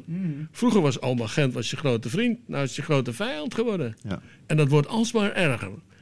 En als je bijvoorbeeld op SBS eh 5 of 6 kijkt, dan zie je die reality-series over Engelse politiemensen en Engelse ambulancepersoneel. En daar wordt geschopt, geslagen, gescholden, gedaan. Echt En dan zeggen ze, hoe komt dat nou? Nou, ik kan je één ding zeggen, dat gaan we hier in Nederland ook krijgen. En het is begonnen met de war on drugs. Ja, dat denk ik En zelf. ook. zolang Ja. als je daar niet op terugkeert, je verontschuldigingen aanbiedt, net als met de slavernij, zitten we alleen maar verder ons in de shit te werken. Ja, je, je hebt de war on drugs de, de godsdienstoorlogen van deze tijd genoemd. Ja, eh, de van je godsdienstoorlog boeken. van Ja. deze tijd. Ik vind ook de, de eh, verontschuldigingen van Rutte voorkomen eh, zinloos. Want de man denkt nog steeds in dezelfde termen. Namelijk dat hij beter is dan de rest. Ja, maar ja, is het, verwacht jij dan ooit dat een regering op een goede manier excuses voor de Ja. war on drugs zou kunnen maken? Mm, nou, Want dan kijk, verwacht ik een beetje hetzelfde. Dat ze zich dan misschien, ja of niet. Kijk, het, eh, hetgene wat eh, de verandering kan teweegbrengen is de techniek. Hè, dus eh, in de cannabiswereld, de techniek heeft ervoor gezorgd dat ineens iedereen wiet kon verbouwen. Kunstlicht. Oké. Eh, hetzelfde geldt met politiek. Ehm, de politiek kan ingrijpend veranderen vanwege de techniek die er nu is. En dat is internet. Met internet kun je politiek bedrijven waarbij je iedereen betrekt bij jouw politieke partij. En waarbij je ehm, eh, om drie uur s'nachts eh je mening kan geven over een onderwerp. In plaats van een inspraakmicrofoon eens in de zoveel tijd midden in een zaal zetten. En dan mag je om de beurt vijf minuten wat zeggen. En dan word je opzij geduwd. En dan komt de volgende over een heel ander onderwerp. Dat is gewoon pure nep. Mhm. En ik denk dat een politieke partij die dus inderdaad daadwerkelijk democratisch gaat werken met behulp van internet, dat die de toekomst heeft. En daarom is D66 dus eigenlijk een doodgeboren kind. Want het eerste wat ze deden toen ze aan de macht kwamen, was hun belangrijkste punt, gekozen burgemeester, dan maar laten vallen. Nou, dan is het klaar. Dan heeft D66 geen enkele zin meer. Ja, dat was een van de redenen waarom ze zijn begonnen. Dat klopt wel, ja. Ja. Ja, ja bestuurlijke vernieuwing in brede zin, hè. Ook Ja, moet je je voorstellen, hè? De, ik ben dus met Groen Vrij in de tijd ook deelgenomen Ja, heb ik hier netjes op mijn lijstje staan. Ja, 2006. ja. En toen dacht ik, internetpolitieke Ja, partij, ja. weet je wel. Want je kan dus een, een onderwerp kan je, eh, bespreken met je eh, achterban. Mhm. En je kan ze laten betalen. Als ze allemaal een tientje per maand betalen, mag je, mag je meespreken. Tel- stelt jouw stemming. Nu is het zo, je stemt eens in de zoveel jaar, zet je als een analfabeet een kruisje en dan moet je maar zien wat er gebeurt. Nou, je weet zeker dat er niks gebeurt. Maar als je dus echt daadwerkelijk mee kan praten. eh, je kan bijvoorbeeld zeggen van, we moeten een nieuwe brug hebben over de Waal. Wat denken jullie ervan? Dan gaat iedereen tikken, weet je wel, al je leden. En dan ga je zeggen van, hé, hey, de helft is het er niet mee eens. Waarom niet? Ja, het is zo'n lelijk gezicht. Oh, als we die brug dan mooi eh roze verven. en dan, hé, hey, ineens is 60% ervoor. Oh, dus als we hem nog mooier maken, dan is 70% ervoor. Ja, inderdaad, weet je wel. En zo kun je, eh, dat kun je met computers doen, Wat je dus eh, met dat ouderwetse papier en een kruisje zetten niet kan doen. En dat al, zal het verschil maken. Het zal er ook voor zorgen dat oudere mensen, wijzere mensen, mee kunnen doen. Want die gaan echt niet in een zaal staan waar allemaal eh, idioten zitten te schreeuwen door elkaar. Ja, de overheid staat te ver af van hun burgers. Ja. Misschien op dit Ja. moment. Nou ja, ik vraag me wel af of er voldoende mensen als het ware eh, geïnteresseerd genoeg zijn om, om te stemmen over die onderwerpen. Ook al gaat het over hun Er is eigen één groot omgeving. verschil. Dat is als jij eh, tegen je leden zegt, jouw mening telt. En je betaalt een tientje per maand voor meedoen. Dan, dan, dan stemmen ze wel, hoor. Nou, Ja. En, en moet je je voorstellen, duizend leden is 10.000 euro per maand. Als je 100.000 leden hebt, 1 miljoen per maand. Wat kan je daar wel niet van doen? Daar kun je filmpjes van maken. Daar kun je filmpjes van maken van eh, bruggen laten zien. All over the world, hoe die eruit zien. Dit, dat, zus, zo. Weet je wel. Eh, als iemand een idee heeft, maak je een powerpointje. Laat je ook zien. Het- die krijgt ineens ruimte. Ja. En nu is die ruimte er niet. Want je wordt consequent als politieke partij word je gekoeieneerd. Door de partijen die de macht hebben. Maar denk jij dat dat in 2006 hebben we het over, toen heb je dat geprobeerd, dat deelname Tweede Kamerverkiezing is mislukt, kan je zeggen, niet genoeg Ja. eh, om in de Kamer te komen. Ik was te voorlijk. Ja, dat vraag ik me af hoe je daarop terugkijkt. Dat, was te vroeg. Ik was te vroeg. En Mhm. toen waren mensen ook heel wantrouwend tegenover internet. Internet? eh, Mhm. Ja, maar ja, inmiddels zijn we misschien meer in een periode aangeland dat mensen op, een, over, op, op andere gronden wantrouwend zijn tegenover internet. Ja, Namelijk Zuckerberg vanwege die en overheid Musk. weer. Ja, nou ja, maar ook grote techbedrijven überhaupt. Die, Ja. die waarschijnlijk meer macht hebben nog dan, dan regeringen. Maar aan de andere kant, er eh, worden miljarden per dag eh, via internet, eh, via PIN, heel veilig Mhm. heen en weer geschoven. Dus beveiligde verbindingen is er normaal iets tegenwoordig. Ja, ja. En als jij een beveiligde internetverbindingen kan hebben in je politieke partij, dan ben je klaar. Weet je wat je ook kan doen? Heel, heel simpel om een voorbeeld te geven. Je kan bijvoorbeeld zeggen tegen jongeren: je mag ook lid worden van onze partij. Oeh, maar de, een tientje is wel veel. Nou, je hoeft maar de helft te betalen. ja, ja, precies. Maar je stem telt maar voor de helft. Eh, een computer heeft daar geen enkel probleem mee. Nee. Maar je kan op die manier wel een achterban creëren die Mhm. langzamerhand eh, groeit in het, eh, in het eh, volwassen worden. En op een gegeven moment als ze 18, 19 zijn, betalen ze een tientje. En de rest van hun leven zijn ze een trouwe volger van jouw partij. Ja, misschien moet iemand het toch maar weer eens gaan proberen. Of eh, hier met VOC gewoon, een politieke partij van maken. Gewoon. Nou ja, Ja. Je, je ziet al vaker met eh, welke activistische activiteit ook. Je kan het ook op die manier doen. Ofwel zeg maar eh, hè, infiltreren in bestaande partijen en hopen dat je daardoor meer platform krijgt. Of je doet het op je eigen manier. Die politieke partijen die hebben Ik zou op jou eh, stemmen, Dirk. En zeker Alice, Alice van der Plas, die heeft er toch eh, wel relatief veel succes mee, zou ik zeggen. Hey, ik wil toch even terug natuurlijk naar de wiet. Ja. Eh Haiti podcast Immers. Eh, want vrij snel nadat eh Positronics openging als winkel... ik heb zelf ook zeer goede herinneringen aan de paar keer dat ik Oh er ja? geweest ben. Ja, geweldig. Ook altijd kwekers bij elkaar. Ja. Onderweg hier naartoe legde ik het aan Rens een beetje uit. Ik zei van ja, de sfeer zeg maar zoals de Homegrown Cup. En dan natuurlijk niet zoveel mensen bij elkaar, maar wel dat. Met elkaar uitwisselen. Genieten van het feit dat niemand je veroordeelt. Integendeel, weet je wel. Heel dat gevoel wat daar heel erg heerste. Maar ehm, vrij snel daarna ben je ook begonnen met Soft Secrets. Ja. Dat, daar wil ik het ook nog wel even over hebben. Want het, ja, het bestaat natuurlijk nog tot op de dag van vandaag. Maar eh, Ja. eh, hoe, is het, hoe is het begonnen en wat, ja, wat was het idee daarbij? Nou, kennis is macht. Mhm. En ik, eh, het viel me op hoe weinig ehm, blowers en, en hun shop-eigenaren weten van wat er allemaal gebeurde. Want ja, je gaat op een gegeven moment geen kranten meer lezen, want het is alleen maar vervelend. Eh, toen dacht ik, weet je wat, ehm, je had van die knipseldiensten. Eh, en als je nou zo'n knipselabonnement neemt, kost je 100 gulden of 200 gulden per maand, whatever. En dan kon je zeggen, ik wil alle knipsels over cannabis. Kan je zo'n stapel, wel. En dan ga je dat sorteren en dat breng je dan uit als eh, maandelijkse service. En ik Want denk, inderdaad, voor de kids, dit was eh, natuurlijk voor internet ongeveer, Ja. 85 hè, Ja. begonnen. ja, En de, de- dat was wat er was. Iets anders was er niet. Of je moest naar de bibliotheek, bij Ja. wijze van spreken. Ja. ja. en dan stuurden mensen elkaar knipseltjes van kijk, weet je wel, eh, hier is eh, een leuk artikeltje, want er wordt voor het eerst dit of dat over geschreven. Ja. Ja, dus ik denk die knipsels, die moet je sorteren op relevantie en op onderwerp en, en aan de mensen brengen. Dus dat, eh, dat hebben we zo gedaan. En in het begin was het, eh, weet ik veel, een paar honderd eh, van die dingen per maand of zo. Of per week, ik weet niet eens meer hoe vaak we dat uitbrachten. En dan had ik dan iemand en die deed dat. En, Mhm. Die iemand, eh daar ben ik mee getrouwd Ja, later. precies. Dat is Ja. veranderd, hè? Ja, die, die knipte en plakte dat allemaal. En dat werd dan uiteindelijk een, een echte krant. Ja. En toen is dat overgenomen door eh, ehm, een, een mannetje. Die kwam bij mij en die zei van... Ja, ik eh, heb een, eh, een blad over, een glossy, over eh, motoren. Ah, oké. En nou wil ik iets gaan doen over cannabis. Ik denk, oh, daar heb je er een. Weet je. Hij zegt alleen, ik heb geen idee wat het is. Ik zei, nou, toevallig. En ik trok zo onder het, een zak wiet tevoorschijn. Kijk, dit is wiet. Oh, dat had hij nog nooit gezien. Dus hij, kan zijn top. En ik heb een foto gemaakt. Dat was de eerste keer dat Boy een, een top wiet zag. Oké. Ja, dus een beetje gesproken met hem erover. En hij, is, hij heeft dan uiteindelijk die Soft Secrets overgenomen. Ja. Na mijn faillissement, Mhm. weet je wel. En eh, nou, het is nog steeds een, eh, een blad dat... eh, Nou ja, wat ik zo typisch vind, het komt uit in acht verschillende landen, maar niet in het Nederlands.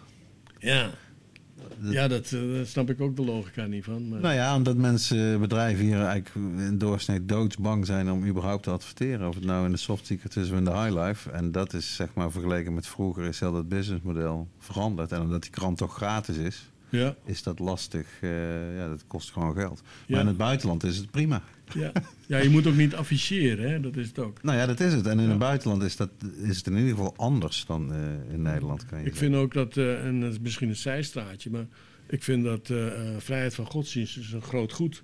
Maar ik vind dat je het niet mag afficheren. Want als ik tegen jou ga zeggen dat mijn geloof zo geweldig is, dan vertel ik eigenlijk jouw geloof is waardeloos. Ja. Onze God is de beste. God is veel beter dan die van jou. Ja. Dus eh, je kan alleen maar vrijheid van religie hebben als je afziet van eh, promotie. Dus ook geen uiterlijke kenmerken. Hè? Dus geen eh, dasjes, jasjes, Hoedjes. hoedjes, weet ik veel wat allemaal. Want dat doe je niet voor onze lieve Heer, dat doe je voor de mensen. Ja, de goede gemeente. Dus je zit eigenlijk te liegen.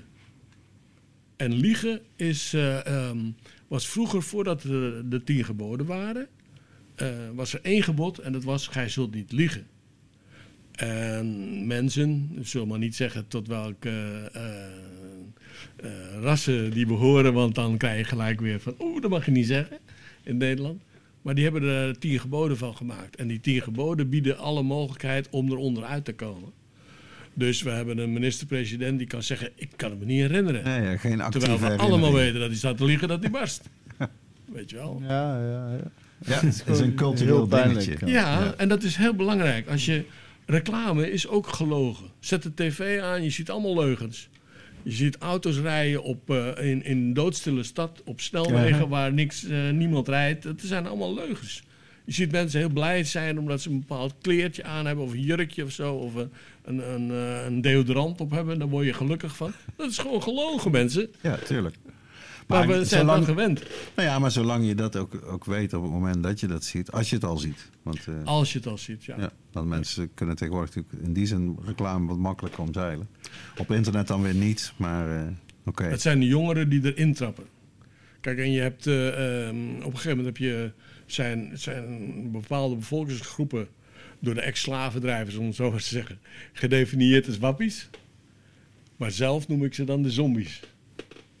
X, Y, Z. Zombies. de wappies, weet je wel.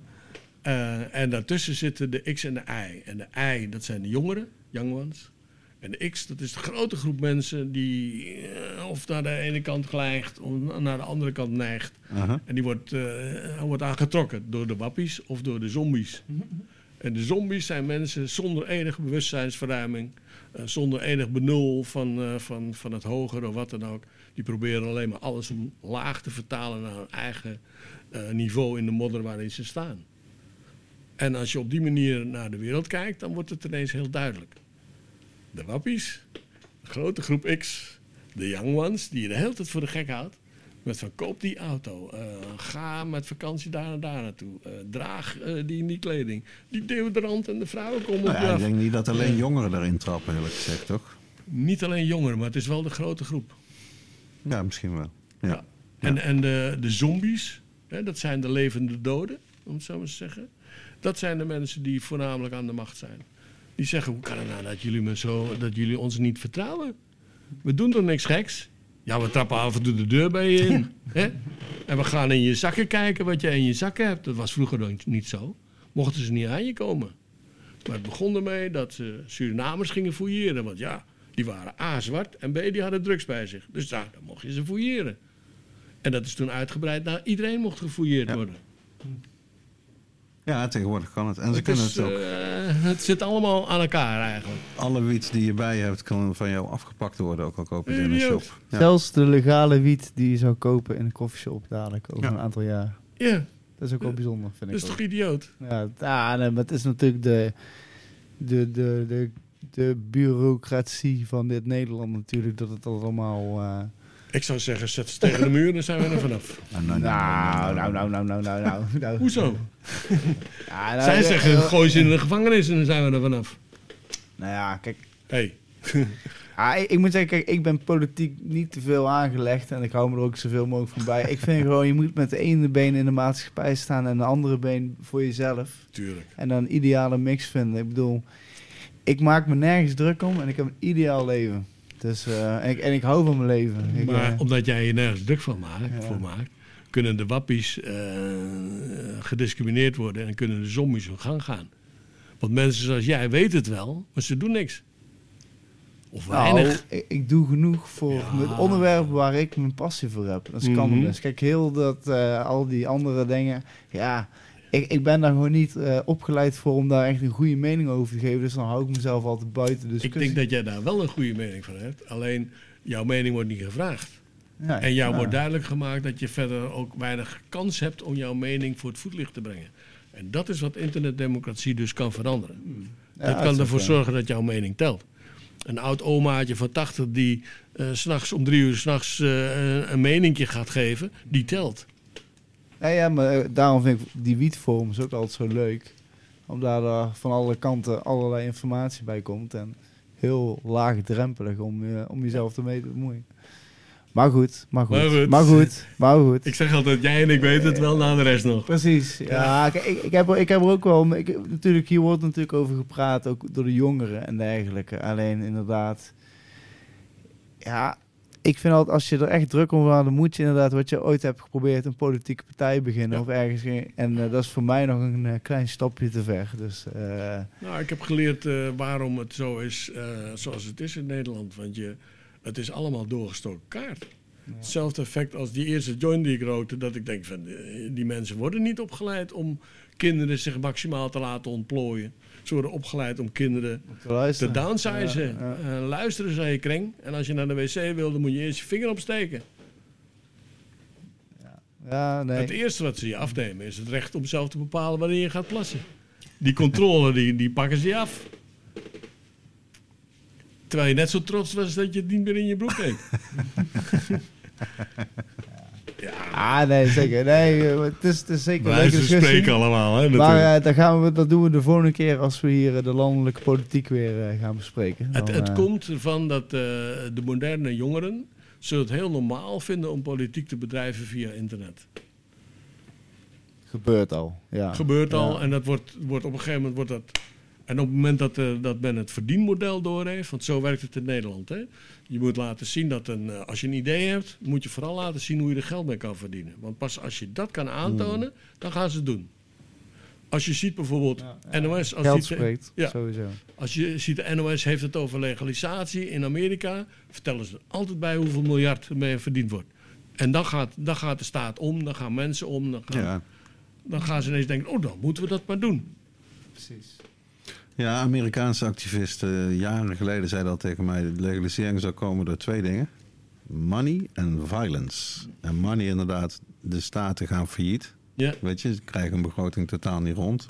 Dit is een ideale melkkoe.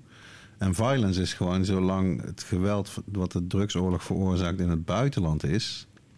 Maak elkaar maar af, weet je wel. Ja. Maar als het eh, in, in Amerika in dit geval gebeurt op eigen grond, en dat begon toen al een klein beetje, zei ja, dan, eh, dan gaan ze er gewoon iets aan doen. En Ja. dat is toch profetisch eh, Ja, gebleken. ja.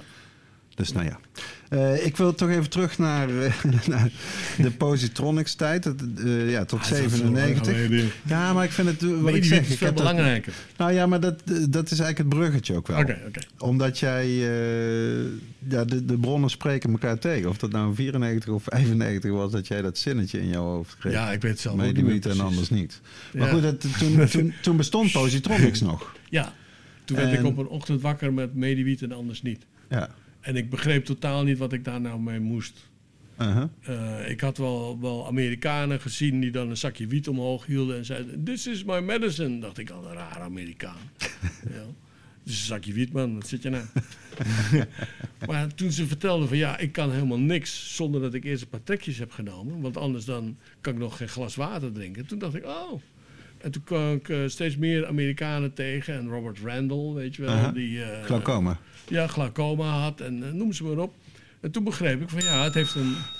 Voor de luisteraar die niet weet wat glaucoma is, dat is een oogziekte waarbij de spanning op jouw oogbol steeds blijft toenemen. Die je dus meteen, echt direct eh, kan, kan stoppen, dat proces, als je een beetje wiet rookt, zoals we allemaal weten. Want dan krijg je rode ogen en juist ontspannen Van oogbol. James Burton. Eh, James Burton ook glaucoma, maar Ja. Robert Randall eh, is de eerste die echt bekend werd in Ja, die maakt ook een hele serie boeken erover. Ja, ja. En, in de- en die heb ik allemaal gelezen. En, eh, en toen begreep ik van, en toen dacht ik van, weet je wat het is? Als het probleem met cannabis zijn de mensen die het niet gebruiken en er zich mee bemoeien. Er een mening over hebben, die wordt ze vaak aangeleerd. En dan gaan ze zich mee bemoeien. Als je die mensen nou duidelijk maakt dat je meer met cannabis kan dan het alleen maar roken.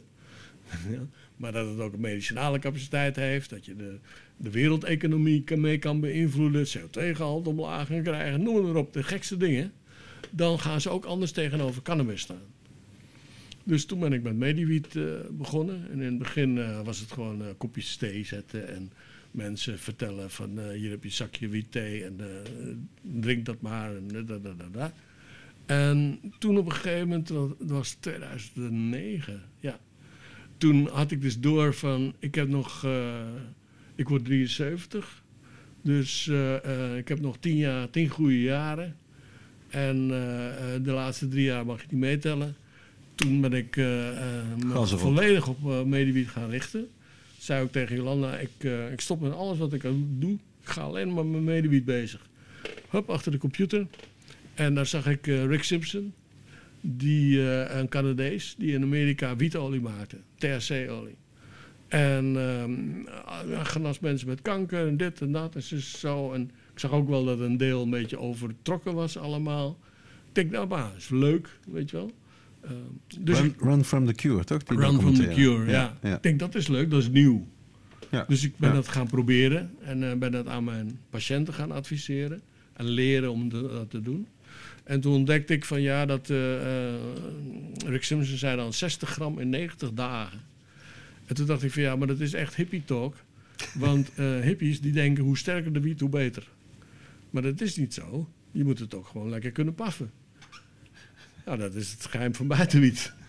En toen dacht ik, dat klopt niet. En ik merk dat ook aan mijn patiënten, dat niet iedereen kan die 60 gram eh, in 90 dagen naar binnen werken. Eh, dus toen dacht ik van, je moet het niet zo sterk mogelijk maken. Je moet het juist zo zwak mogelijk maken. Want een patiënt heeft niks aan een paracetamol die 100% paracetamol is. Dat brandt gaten in je, in je darmen. Alle medicijnen zijn juist aangelengd tot een bepaalde sterkte. Zodat het eh, zo min mogelijk sterkte heeft, maar toch doet wat je wil. Nou, dus toen ben ik eh, die eh, pure wietolie eh, ben ik gaan verdunnen. En dat was 2009. En dat had ik binnen een hele korte tijd had ik dat door, hoe dat moest. Ehm, toen gingen mensen leren en ook verstrekken. Kregen weer een heleboel mensen op me af. Echt eh Ja. 10.000, 20.000. Toen dacht ik, nou, nou moet ik wat doen. Want als de overheid dat doorkrijgt, krijg je dat weer, weet je wel. Ja. Dus toen ben ik het gaan leren om het zelf te maken. En dat was eh, de begin eh, van Mediwiet. En daarna, eh, vier jaar later, toen via Nol van Schaar kreeg ik dan CBD-pasta. En dat had hij, ja. Nol is natuurlijk, ja, de vaste luisteraars zullen hem zeker wel kennen. Hij is ook overleden. Gekend koffieshop-eigenaar en ook wel activist uit Haarlem. Van de Willy Wortel coffeeshops uh, onder andere. Ja, een groot strijder en uh, zeker Schat met, van een man. ja, met medicinale cannabis ook echt wel lang en intensief Ja. bezig geweest. Ruwe bolster, eh, harde pit, nee. Ja. Hoe noem je dat? Ja, Blanke eh, pit. Blanke pit, ja. ja. Ja.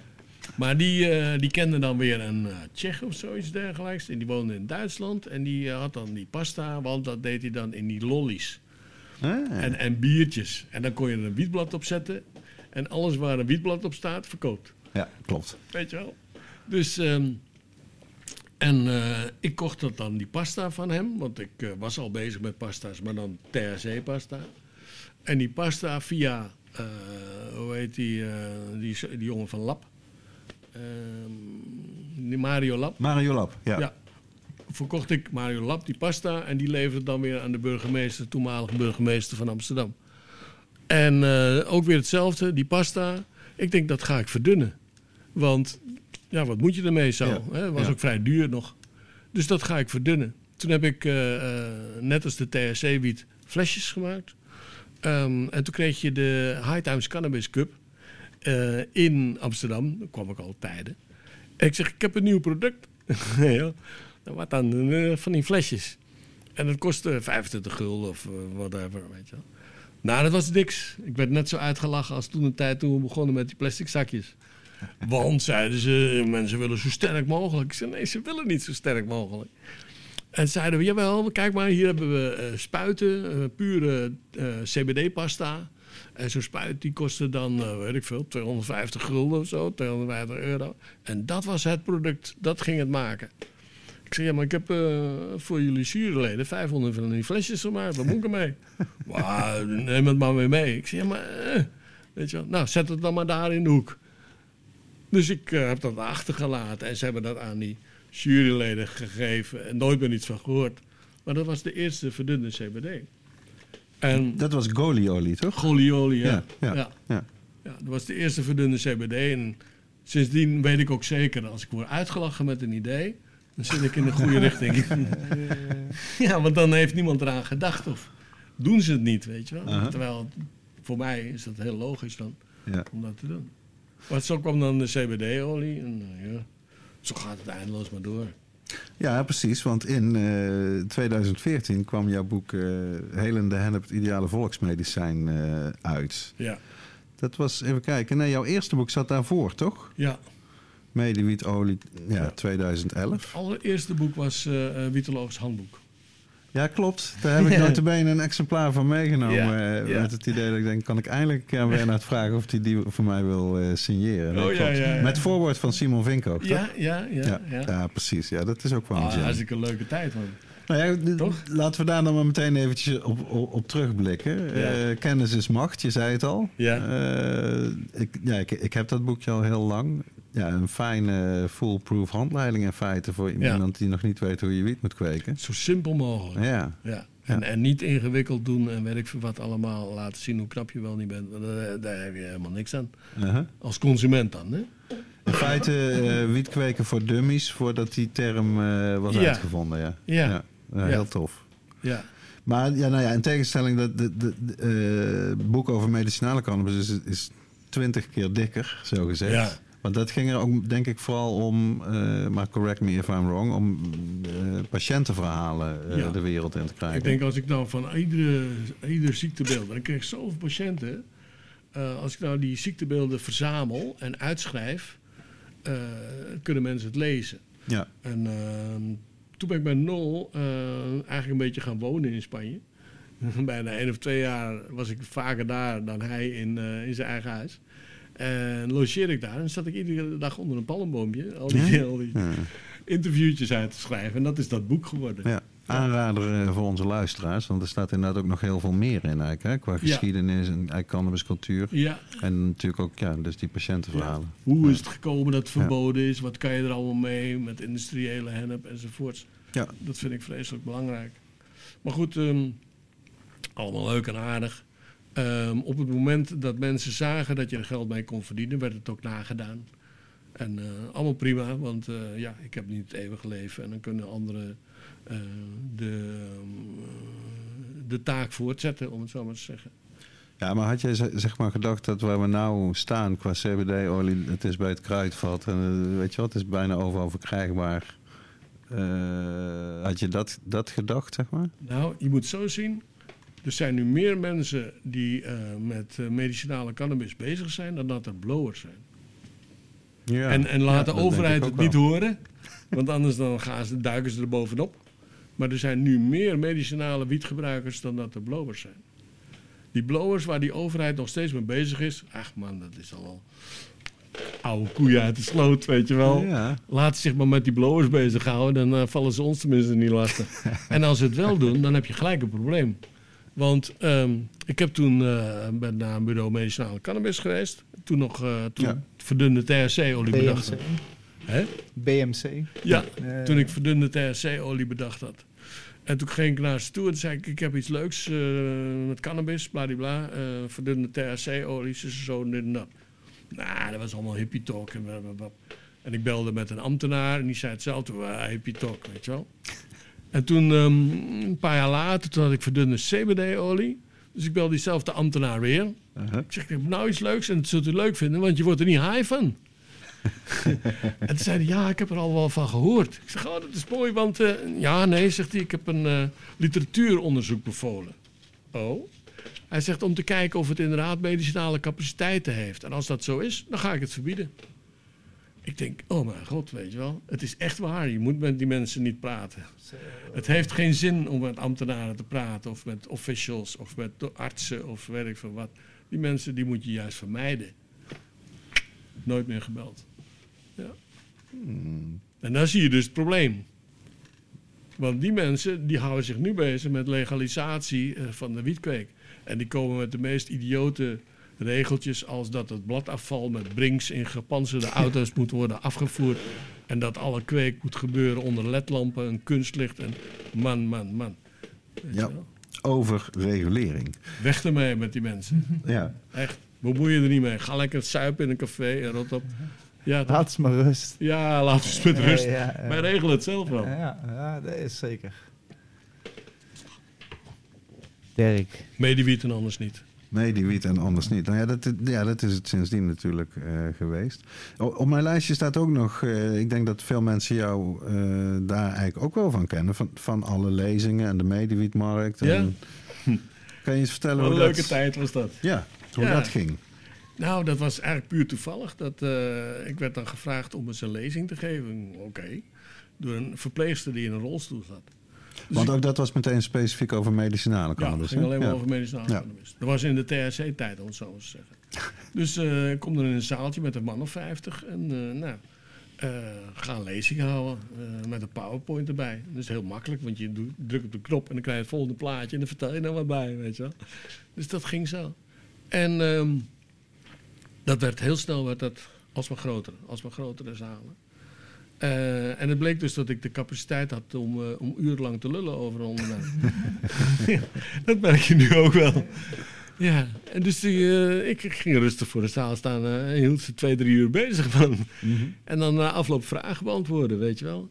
En, en op de, in een belendend zaaltje verkochten we dan onze flesjes, maar lieten we ook zien hoe je het zelf kan maken.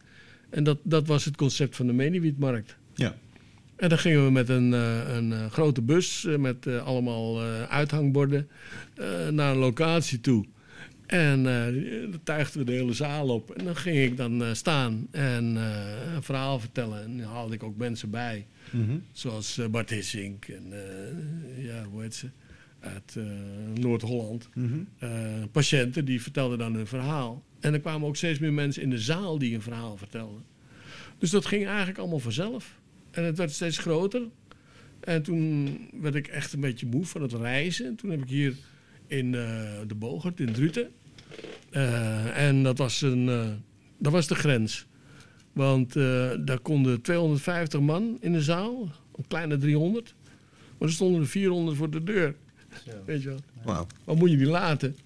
En eh, dan krijg je dus dat je verhaal staat te vertellen. En om de havenklap gaat die deur open. Want dan willen de mensen willen Ja, binnen. ja, ja, Die willen naar binnen, weet je. Die willen ook in de zaal zitten. Dus toen werd het, eh, hebben we het zo gedaan. Maximaal 250 man en that's it. Uh-huh. En eh, iedere keer uitverkocht. En eh, hartstikke leuk allemaal. Ja. Maar ja, op een gegeven moment dan, eh, dan ben je daar ook weer klaar mee. En toen kwam ook de COVID natuurlijk. Hè? Mhm. En, en COVID, eh, Jolanda, mijn vrouw, die zei van ja, ik eh, ga niet mensen bij de deur controleren of ze wel of niet. En ik ga ook niet met een mondkapje op. Dus ik- dacht ik, ja, nou dan is het klaar. Ja. Einde, einde van dit verhaal, om het Mhm. zo te zeggen. Ja. Maar ook al tijdens toen nog wel die media, of de, de markt er was, eh, was natuurlijk internet ook al belangrijk, Ja. zeg maar. Facebook en Ja. de video's en zo. Ja. Ja. ja, dus ik eh, eh, maakte er filmpjes van, Ja. registraties. En dat is langzamerhand de boventoon gaan voeren. Want kijk, je kan wel voor een zaal gaan staan, maar dan heb je maar 250 man. Maar als je een filmpje maakt, dan bereik je 2500 man. Of misschien wel 5000 man.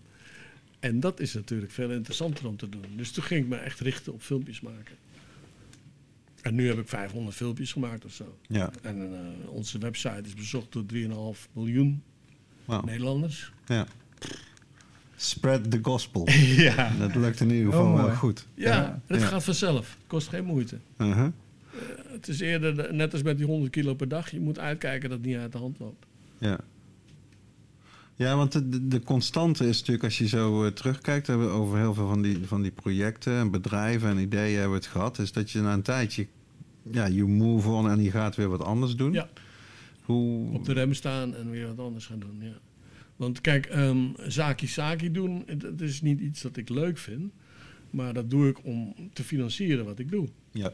Maar anderen zijn veel beter in zaki zaki doen dan ik. Henk de Vries is veel beter in eh, zakjes wiet verkopen en hasje Aha. dan ik. Weet je wel. Tegen Ja. mij zeiden ze ook van, eh, je moet in elke, elke grote stad in Nederland een Mellow Yellow doen. Ik dacht, nou, dat, als er iets is wat ik niet moet doen, is dat. ja, ja. Maar ja, het moet wel gebeuren. Want iemand als Henk de Vries vervult ook een functie, ja, precies. toch? Ja. En jij denkt meer van, ik hoef dat zelf niet te doen, als iemand anders het doet, nee, is ook ik ga prima. liever iets anders eh, starten. Mhm. En dan zorg ik dat ik laat zien dat het werkt. En dan gaan andere mensen het wel nadoen. Ja. En dan kun je weer de voor, eh, Kan ik het weer het volgende, volgende project. project. Ja. Ja, want als we hier zitten, het is, je hebt wel echt een hele mooie plek hier gecreëerd weer, eh, in Tiel. En eh, met allerlei workshopplekken ook. Ja. En, ja, dus, eh, En het is ja. gratis, hè? Oké, Tenminste, mensen kunnen gewoon... dit pand. Oh, Ja. Oh, dat is... Ik Ja, heb dat- het gekregen. ja. echt? Ja. Zo, je hebt Van goede vrienden. Ja. Nou, dat is inderdaad dat is een heel... Ik, ik ken het verhaal. Het is heel bijzonder als je dat inderdaad Ja. kan vertellen. Ik werd gebeld door een, eh, een eh, advocaat, nee, een notaris uit Alkmaar. En die zegt van, u bent van de stichting Medewiet. Ja, eh, eh, een legaat voor u. Oh, leuk, weet je wel, stuur maar op. Ja, we toch wel even langskomen. Dus ook, nee, wij naar Alkmaar. En toen, vertelde ze een verhaal. Ze zegt van, dat was een, eh, man en die had een eh, auto-ongeluk gehad, een verkeersongeluk. Ernstig verlamd geraakt en die kreeg daarvoor een vette uitkering. En van die uitkering eh, kocht hij zich een huis. En hij had ontzettend veel pijn. En hij kende Mediwiet, Stichting Mediwiet. En had dus geleerd dat pijn te bestrijden valt met cannabis. Met wietolie, THC-olie. En toen ging die THC-olie gebruiken tegen de pijn. Dat was het enige wat hem hielp. Maar wat zei zijn familie? Jij gebruikt drugs. Vieze, vuile drugsgebruiker, we willen je niet meer zien. Ongelooflijk. Wauw, wat een- Ja, wow. dus ze hebben hem laten barsten. En die jongen is dus eh, op een hele ellendige manier aan zijn einde gekomen. Eh, toen ze hem vonden was hij al eh, een paar maanden dood. Het huis was één grote puinhoop. Eh, je hebt speciale bedrijven die houden zich bezig met schoonmaken van dat Wat, je- soort wat je wel eens op tv, tv ziet. Ja. eh, Ja. zo- Zulke... dingen. En die zeiden, we hebben nog nooit zoiets meegemaakt. Wauw. Maar die man, die heeft dus alles wat hij had aan ons overgelaten. En eh, toen dachten Jolanda en ik van, ja, wat moeten we daar nou mee? En toen dacht ik van, nou, ik kan, die advocaat zei ook van, ja, u bent al van Stichting Medewiet, maar u mag het zo in uw zak steken. Ja, maar daar heb ik helemaal geen zin in, weet je wel, want dat lijkt me niet juist. Ja.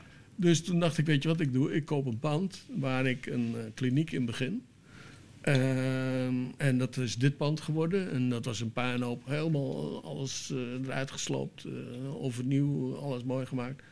En, en dit is dus een, eh, een pand wat ik dus eh, heb gemaakt op basis van dat legaat van die jongen.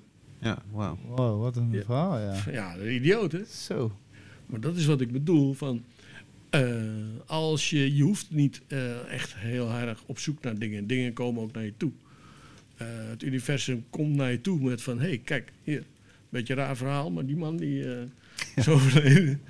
En Dat zijn heeft- altijd de beste momenten. Die ja, die heeft jullie zoveel nagelaten. En ik dacht van, nou, dat, dat, dat kan je niet in je zak steken. Daar moet je iets mee doen. Ja, Dus toen hebben we, hebben we ja, deze kliniek gestart.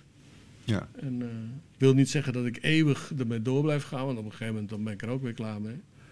En ehm, ja, voor jou doen ben je al heel lang op eh, met één. ja, Ja, ik heb nog één kunstje wat ik eh, moet doen. Ik heb dus COVID gehad. Hè? Want ik liep hier rond eh, zonder masker, zonder eh, mondkapje, niet gevaccineerd. En de meeste van mijn patiënten waren ook niet gevaccineerd. En dan liep ik gewoon tussendoor. Ja. Weet je wel. Dus na twee jaar, toen de, toen de hoe heet dat, epidemie eigenlijk een beetje voorbij was, toen kreeg ik COVID. En eh, ik sloeg zo tegen de grond. Eh, werd opgenomen in het ziekenhuis. En eh, twee keer bijna dood. ja, echt intensive care en Ja. ja, heel heftig hè? Ja. Ja. En dan kom je op de intensive care. En twee keer hebben de artsen vrouwen en kinderen erbij gehaald. Van hij, hij haalt de morgen niet. Ja, wauw. Weet je wel, zo. En ehm, wat je niet snapt is dat intensive care wordt je altijd voorgespiegeld. Als er maar meer, bedjes zijn, dan gaat het wel goed. Maar dat is niet zo. Want intensive care, je komt er lopend naar binnen en je gaat er als een invalide uit. Ja. Als jij twee, drie weken in eh, coma wordt gehouden, dan kan je niks meer. Je kan nog geen mobiele telefoon optillen. Want je spieren smelten weg. Je kan nergens meer, je moet leren slikken, je moet leren ademhalen, alles moet je weer overnieuw. Dus dat is mij overkomen. En ik heb daar dus gelegen. Ehm, en toen ik wakker werd, eh, toen kreeg ik een paar dromen. en eentje, die was eh, heel belangrijk voor mij. Ehm, want ik droomde dat ik eh, in een zaal stond. Het was een soort zaal. Eerst dacht ik, oh, Paradiso. Nee, dat was veel groter dan Paradiso. en ik stond naast een podium. En het podium, manshoog, weet je wel. Daar stonden mensen op en het leven is één show. Hè, dat is, en die doen net alsof ze, weet ik veel wat, eh, aan het doen zijn. eh, politiek, de dit, de dat, eh, gewoon een show. En ik stond Schijn. daarnaast, ja, schijn. Weet je. Ja.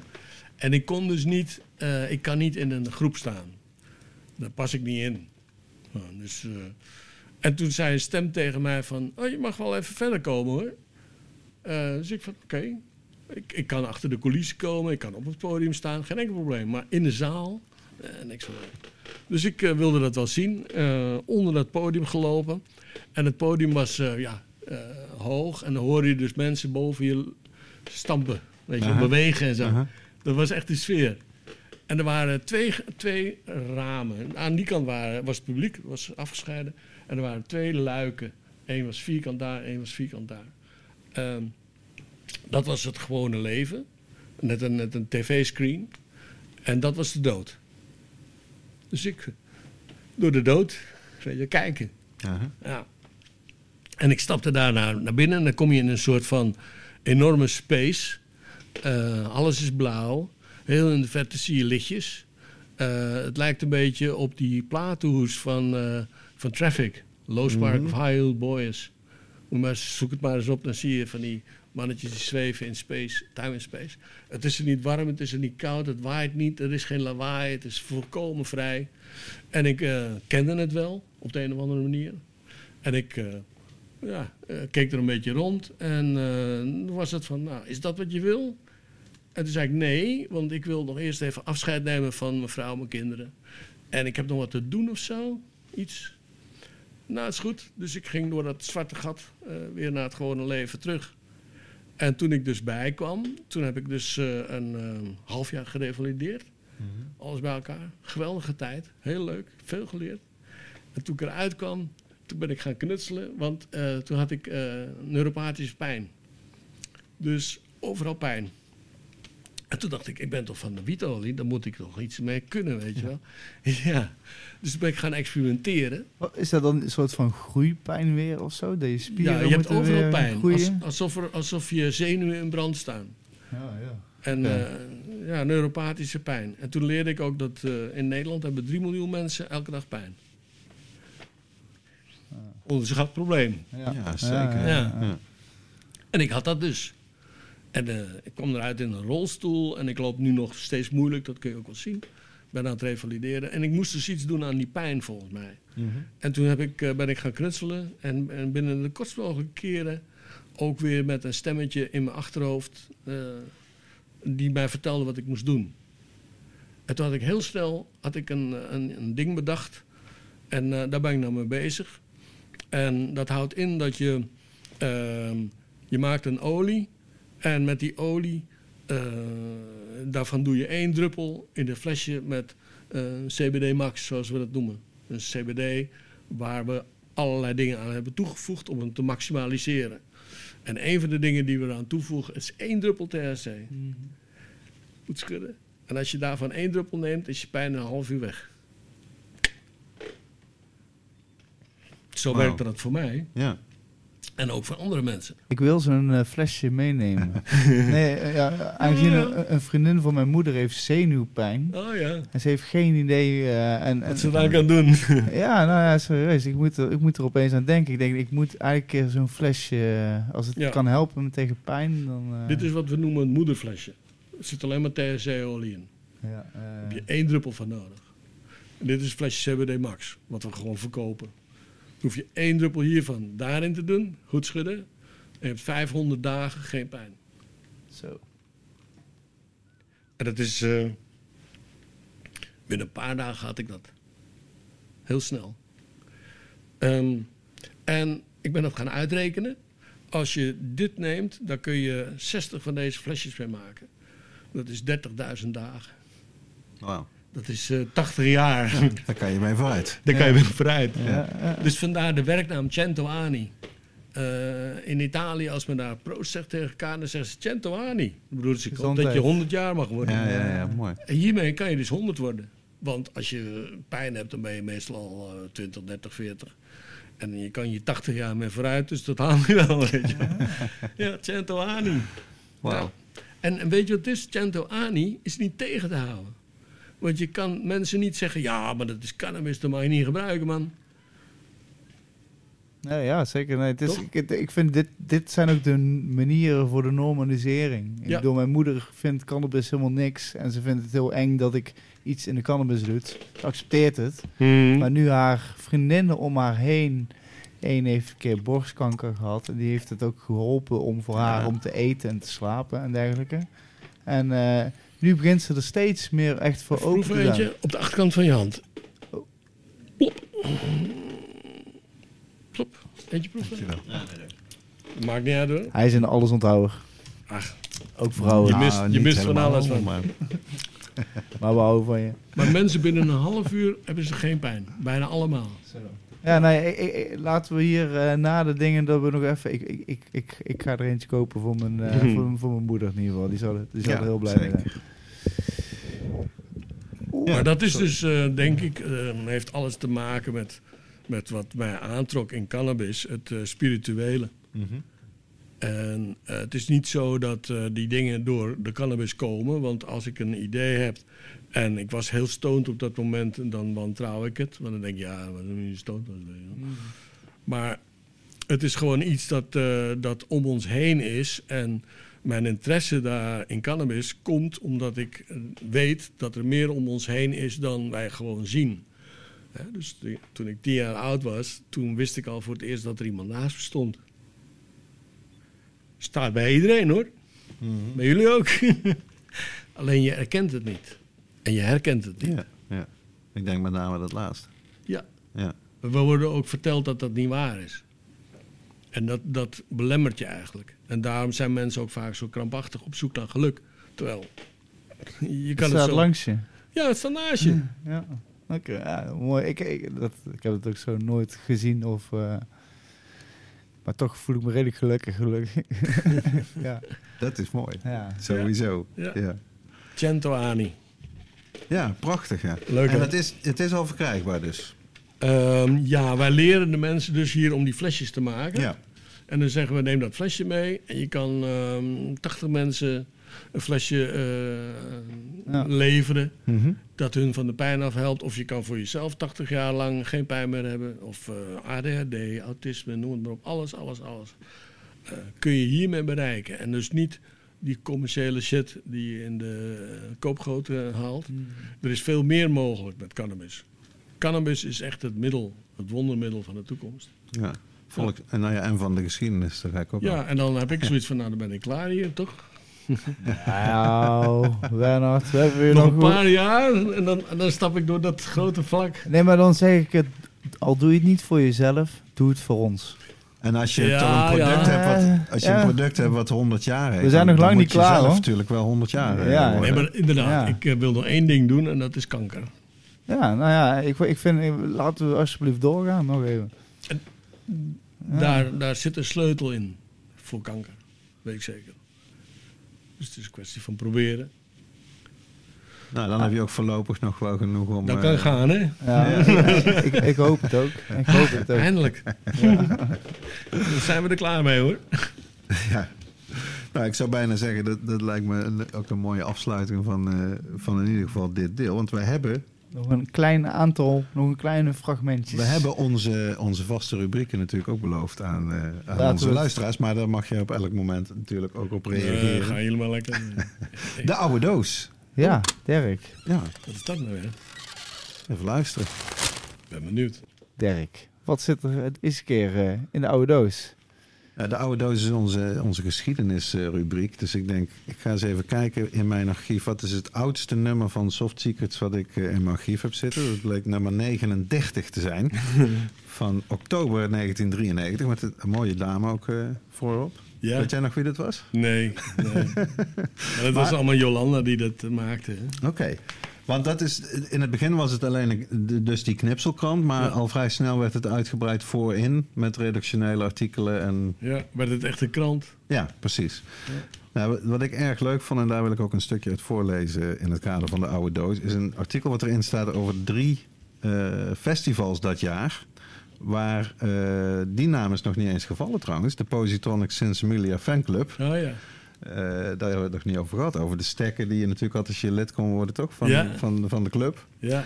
Maar eh, goed, in dat jaar, eh 93, stonden ze op drie grote festivals met een standje. Ja. En dat was de allereerste editie van Lowlands. Dat toen nog Camping Flight to Lowlands Paradise heette. Oh ja. Met een directe verwijzing ook naar de jaren 60, zeg maar. Zo. Eh, Metropolis Festival in Rotterdam, wat er al eh, lang ter ziele is. En ook het Racism Beat It Festival in eh, Amsterdam, wat ook al heel lang niet meer bestaat. En uit dat stukje wil ik even, er staan ook leuke foto's bij van hoe die stand eruit zag, zeg maar, en hoe die festivals eruit zagen in die tijd, erg leuk. Daar wil ik een stukje uit voorlezen en dat gaat zo. De muziek was tot achter in het terrein waar de marktkraampjes geplaatst waren goed te horen. Op dit kleine, maar gezellige marktterrein was de Sinsemula fanclub stand zoals altijd gemakkelijk te vinden. Vanwege het opvallend gele spandoek dat aangaf waar de echte Blow-fans zaten. Ja. Het was volgens een van de standbezoekers niet alleen dat spandoek, maar vooral de geur van de buitenviking die hem naar de fanclub stand leidde. Je kon gratis roken. Hij had er ook een, maar die was niet zo mooi, waarop hem uitgebreid werd verteld hoe zijn planten er volgend jaar ook zo uit kunnen zien. Met de gratis soft secrets en het telefoonnummer van de bushdokter in de hand vervolgde hij tevreden zijn festivalroute. Zo werden de meest uiteenlopende vragen gesteld die door het fanclubteam met het grootste geduld onder genot van een jointje werden beantwoord. Ja, zo heette dat toen de, de eh, telefoon hadden we. En dan kon je vragen stellen over wiet eh, telen. Tegenwoordig heet dat een mediewiet-telefoon. Dus nog steeds hebben we twee uur per dag eh, een telefonisch consult. En dan worden we gebeld Oké, door mensen. En, eh, ja, die gaan dan dingen vragen over, eh, over cannabis. En zou dit me kunnen helpen? Zou dat me kunnen helpen? Of eh, ja, ik eh, word er soms toch wel een beetje slaperig wakker. Dan moet je ze uitleggen dat ze niet vlak voor het slapen gaan enorme doses moeten nemen. weet je wel. Ja, hele simpele dingen eigenlijk. Maar leuk om te doen. Want wat was in die, in die bushdochter tijd zeg maar de meest gestelde, of de- een paar van de meest gestelde vragen die je Wat is het kreeg? verschil tussen een mannetje en een vrouwtje? ja, maar dat... Ja, ja, je moet het wel weten. Kijk, mannetjes hebben ballen, toch? Nee. Ja. Ja. Ja, maar ja, je moet het, je moet het eigenlijk gewoon in, in, het foto echt kunnen zien. aanwijzen. Of op een hele goede foto. Want het is een, ja, Nou ja, maar dat, dat, zo ging het ook met mijn eerste Ja. buitenplanten. Ik was super trots en eh, ik had ook toen op wietforum.nl zo'n... eh, je kon zo'n kweekdagboek bijhouden met Oh, ja. foto's. Totdat op een gegeven moment iemand eh, eronder reageerde van... eh, ja, Rens, eh, ik wil niet maar lullig zijn, maar... zijn, eh, eh, mannetjes. Ja, het zijn drie keer mannetjes. Dus, eh, Oh, shit, ja, ja. dus eh, voor onze bestwil kun je ze alsjeblieft meteen eh roosteren. Vooral dat, ja. En dat was ook meteen wel een heel pijnlijk proces, moet ik zeggen. Ja, dan moet je ze eh, Wiet, vermoorden. wiet is verdriet, behalve mediewiet. Ja. ja, ja, ja. Ja, het is, het is een mooi artikel. Ik zeg eh, naar de volgende rubriek. Ja, reacties van de luisteraars. Sorry, ik was eh, helemaal... eh, ik, ik ben bedoezeld door al deze enthousiasme. Ehm, zoals elk jaar vragen we... eh, Elk jaar. Zoals elke keer vragen we onze gasten, of onze luisteraars, een vraag te stellen voor onze gast. Aan onze gast. Excuses, ik, ik, ik, ik heb een heerlijk jointje bent op. kan twee jointen verder. Slaat, ja. eh, slaat goed verder. en eh, ja, in ieder geval, we vragen het. En eh, dit keer eh, hebben we zeer wel, wel leuke eh, eh, vragen binnengekregen. Waarom- Waaronder eentje zelfs van de sponsor, Seedstockers, Ja. van eh, onze Jouke. Onze, jouw En ik wilde er eigenlijk twee doen, omdat we er eentje doen we van Jouke en eentje doen we van anderen. En die geven we een leuk eh Seeds, Seedstocks pakket. Ja, die krijgt de prijs. Maar eh, even kijken. Hoe, ehm, eh, Jouke vraagt, wat is altijd leuk. Welk advies voor de nieuwe generatie cannabisactivisten en ondernemers heb je? Ga niet samenwerken met de overheid. ik zeg het zomaar. Ja, Kort, maar duidelijk. ja, ja, nee, want de overheid die dient eerst jullie te respecteren. En als, je, als die overheid jullie niet respecteert, dan heeft weinig meer zin. Ja, nou, dat, dat is zeker waar. Ja. Ja. Maar daar zijn wij om eh, te laten zien dat ze ons moeten respecteren. Ja. En ik kreeg ook nog een, eh, een, een vraag van eh eh, Patex. Patex, de, een bekende van, eh, van onze show. Een vriend, Hmm, van, eh, vriend van de VOC en eh, een grote vriend van ons.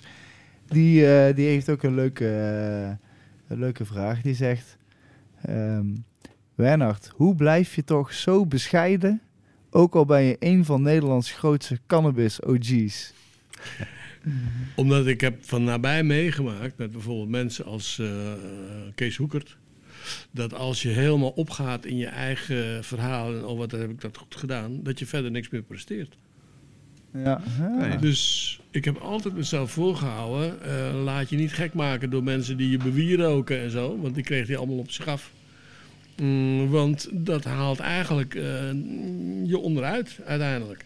Je kan op een gegeven moment eh, niks meer doen, want je bent helemaal die, die oppergod van de cannabis en weet ik veel wat. En Kees kon alleen maar dat doen en verder ook ni- niet meer. Ja, ja. Dus ik heb altijd afstand gehouden tot, eh, tot fans, om het zo maar te zeggen. Mensen die je gaan, gaan toejuichen. Want ik vind het wel oké. Dat maar- maakt je lui. Ja, en het, eh, het haalt eh, mogelijkheden bij je weg. En op het moment dat je iets loslaat en zegt, nou, dat is klaar, dan komt er het volgende. Ja, En dat vind ik veel leuker. Zeer interessant. Ja, nee, zeer, zeer interessant. Ja. Een mooie levensles, denk ik ook. Voor Ja. onze luisteraars. De heer Patex, eh, wij gaan contact met jou opnemen en, opnemen en we zorgen dat er eh, iets leuks eh, naar jou toe komt. Bedankt voor je vraag en ook voor alle luisteraars. Als je iets, een leuke vraag of een eh, leuke gast hebt eh, voorgesteld om, eh, voor onze podcast, eh, stuur ons een mailtje. Dit is eh, info at podcast en podcast met een T gespeld. punt, eh, com. Nee, .nl. .nl, sorry. Punt NL. sorry, sorry ja, ik zit... eh, ja. Info at. .nl en eh, of via. Instagram het Podcast. Stuur ons een. DM'tje Comments in de video. eh, kan ook. ja. Op YouTube. en we kiezen elke keer kiezen we een leuke reactie en eh, voor de zodoende. Dus voor de eh, luisteraars, reacties, prijs. tijd voor de laatste eh, eh, Rubriekje. rubriek. Ja. Simon, hit it.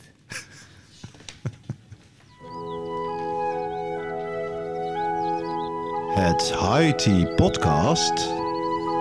Kweekhoekje.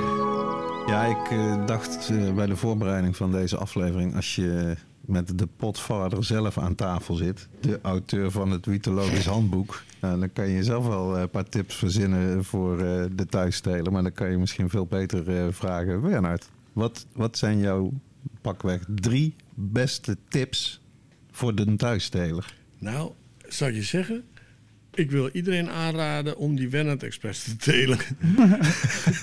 Want eh, dat is een plantje dat wordt niet groter als je middel.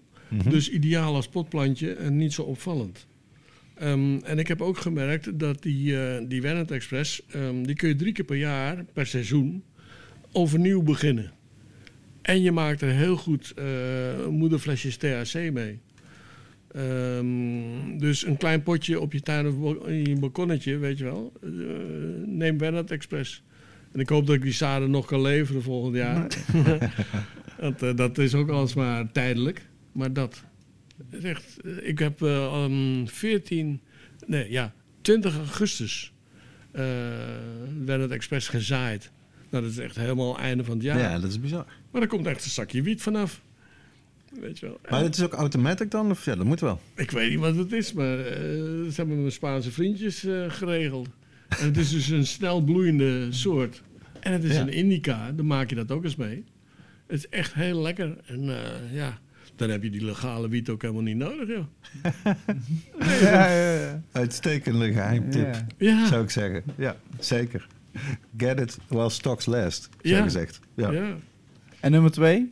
Nummer twee, nog meer. Nou, dat hoeft niet, nee hoor. Dat Nou. hoeft niet per se. Maar, eh, dat- Leer, leer je eigen wietolie maken. Hè. Die Cento Ani wiet is heel makkelijk om te maken. Ik eh, heb een manier, die ga ik ook in een cursusvorm gieten. In de komende weken gaat die eh, verschijnen. En dat is super, super simpel. Eh, het is belangrijk dat wij leren om goed voor onszelf te zorgen. Omdat eh, je ziet wel dat eh, de wereld om ons heen langzamerhand eigenlijk aan het eroderen is. In elkaar aan het zakken is. Gezondheidszorg kan steeds minder voor ons zorgen. En als straks eh, ehm, de reptielen en de Russen door de straten lopen, dan ben je blij als je voor jezelf kan zorgen. ja. Ja. En dat is echt, echt heel belangrijk. Want eh, van de overheid moeten we het niet meer hebben. En de gezondheidszorg is zwaar overbelast. Ja, dat- ik denk dat daar iedereen wel over eens is. Ja. Ja. Ja. Ja. Ik heb de gezondheidszorg van binnen en van buiten Ja. redelijk leren kennen. Recente En ervaring. het is echt erg. Hmm. Heel erg. En wat je in de media ziet, slaat helemaal nergens op. Ja. Echt niet. Ja. Ik dacht even dat mijn... Oh nee, dit... eh. Nee, ja, de nou, ik, ik moet zeggen...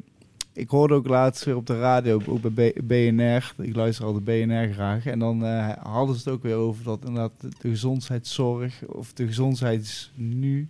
dat het gewoon niet houdende is. Nee. Dus eh, ja, nou, laten we hopen dat dit een goede En het, toevoeging en het kan zijn. zal, het zal van- erger worden als de huidige energiecrisis.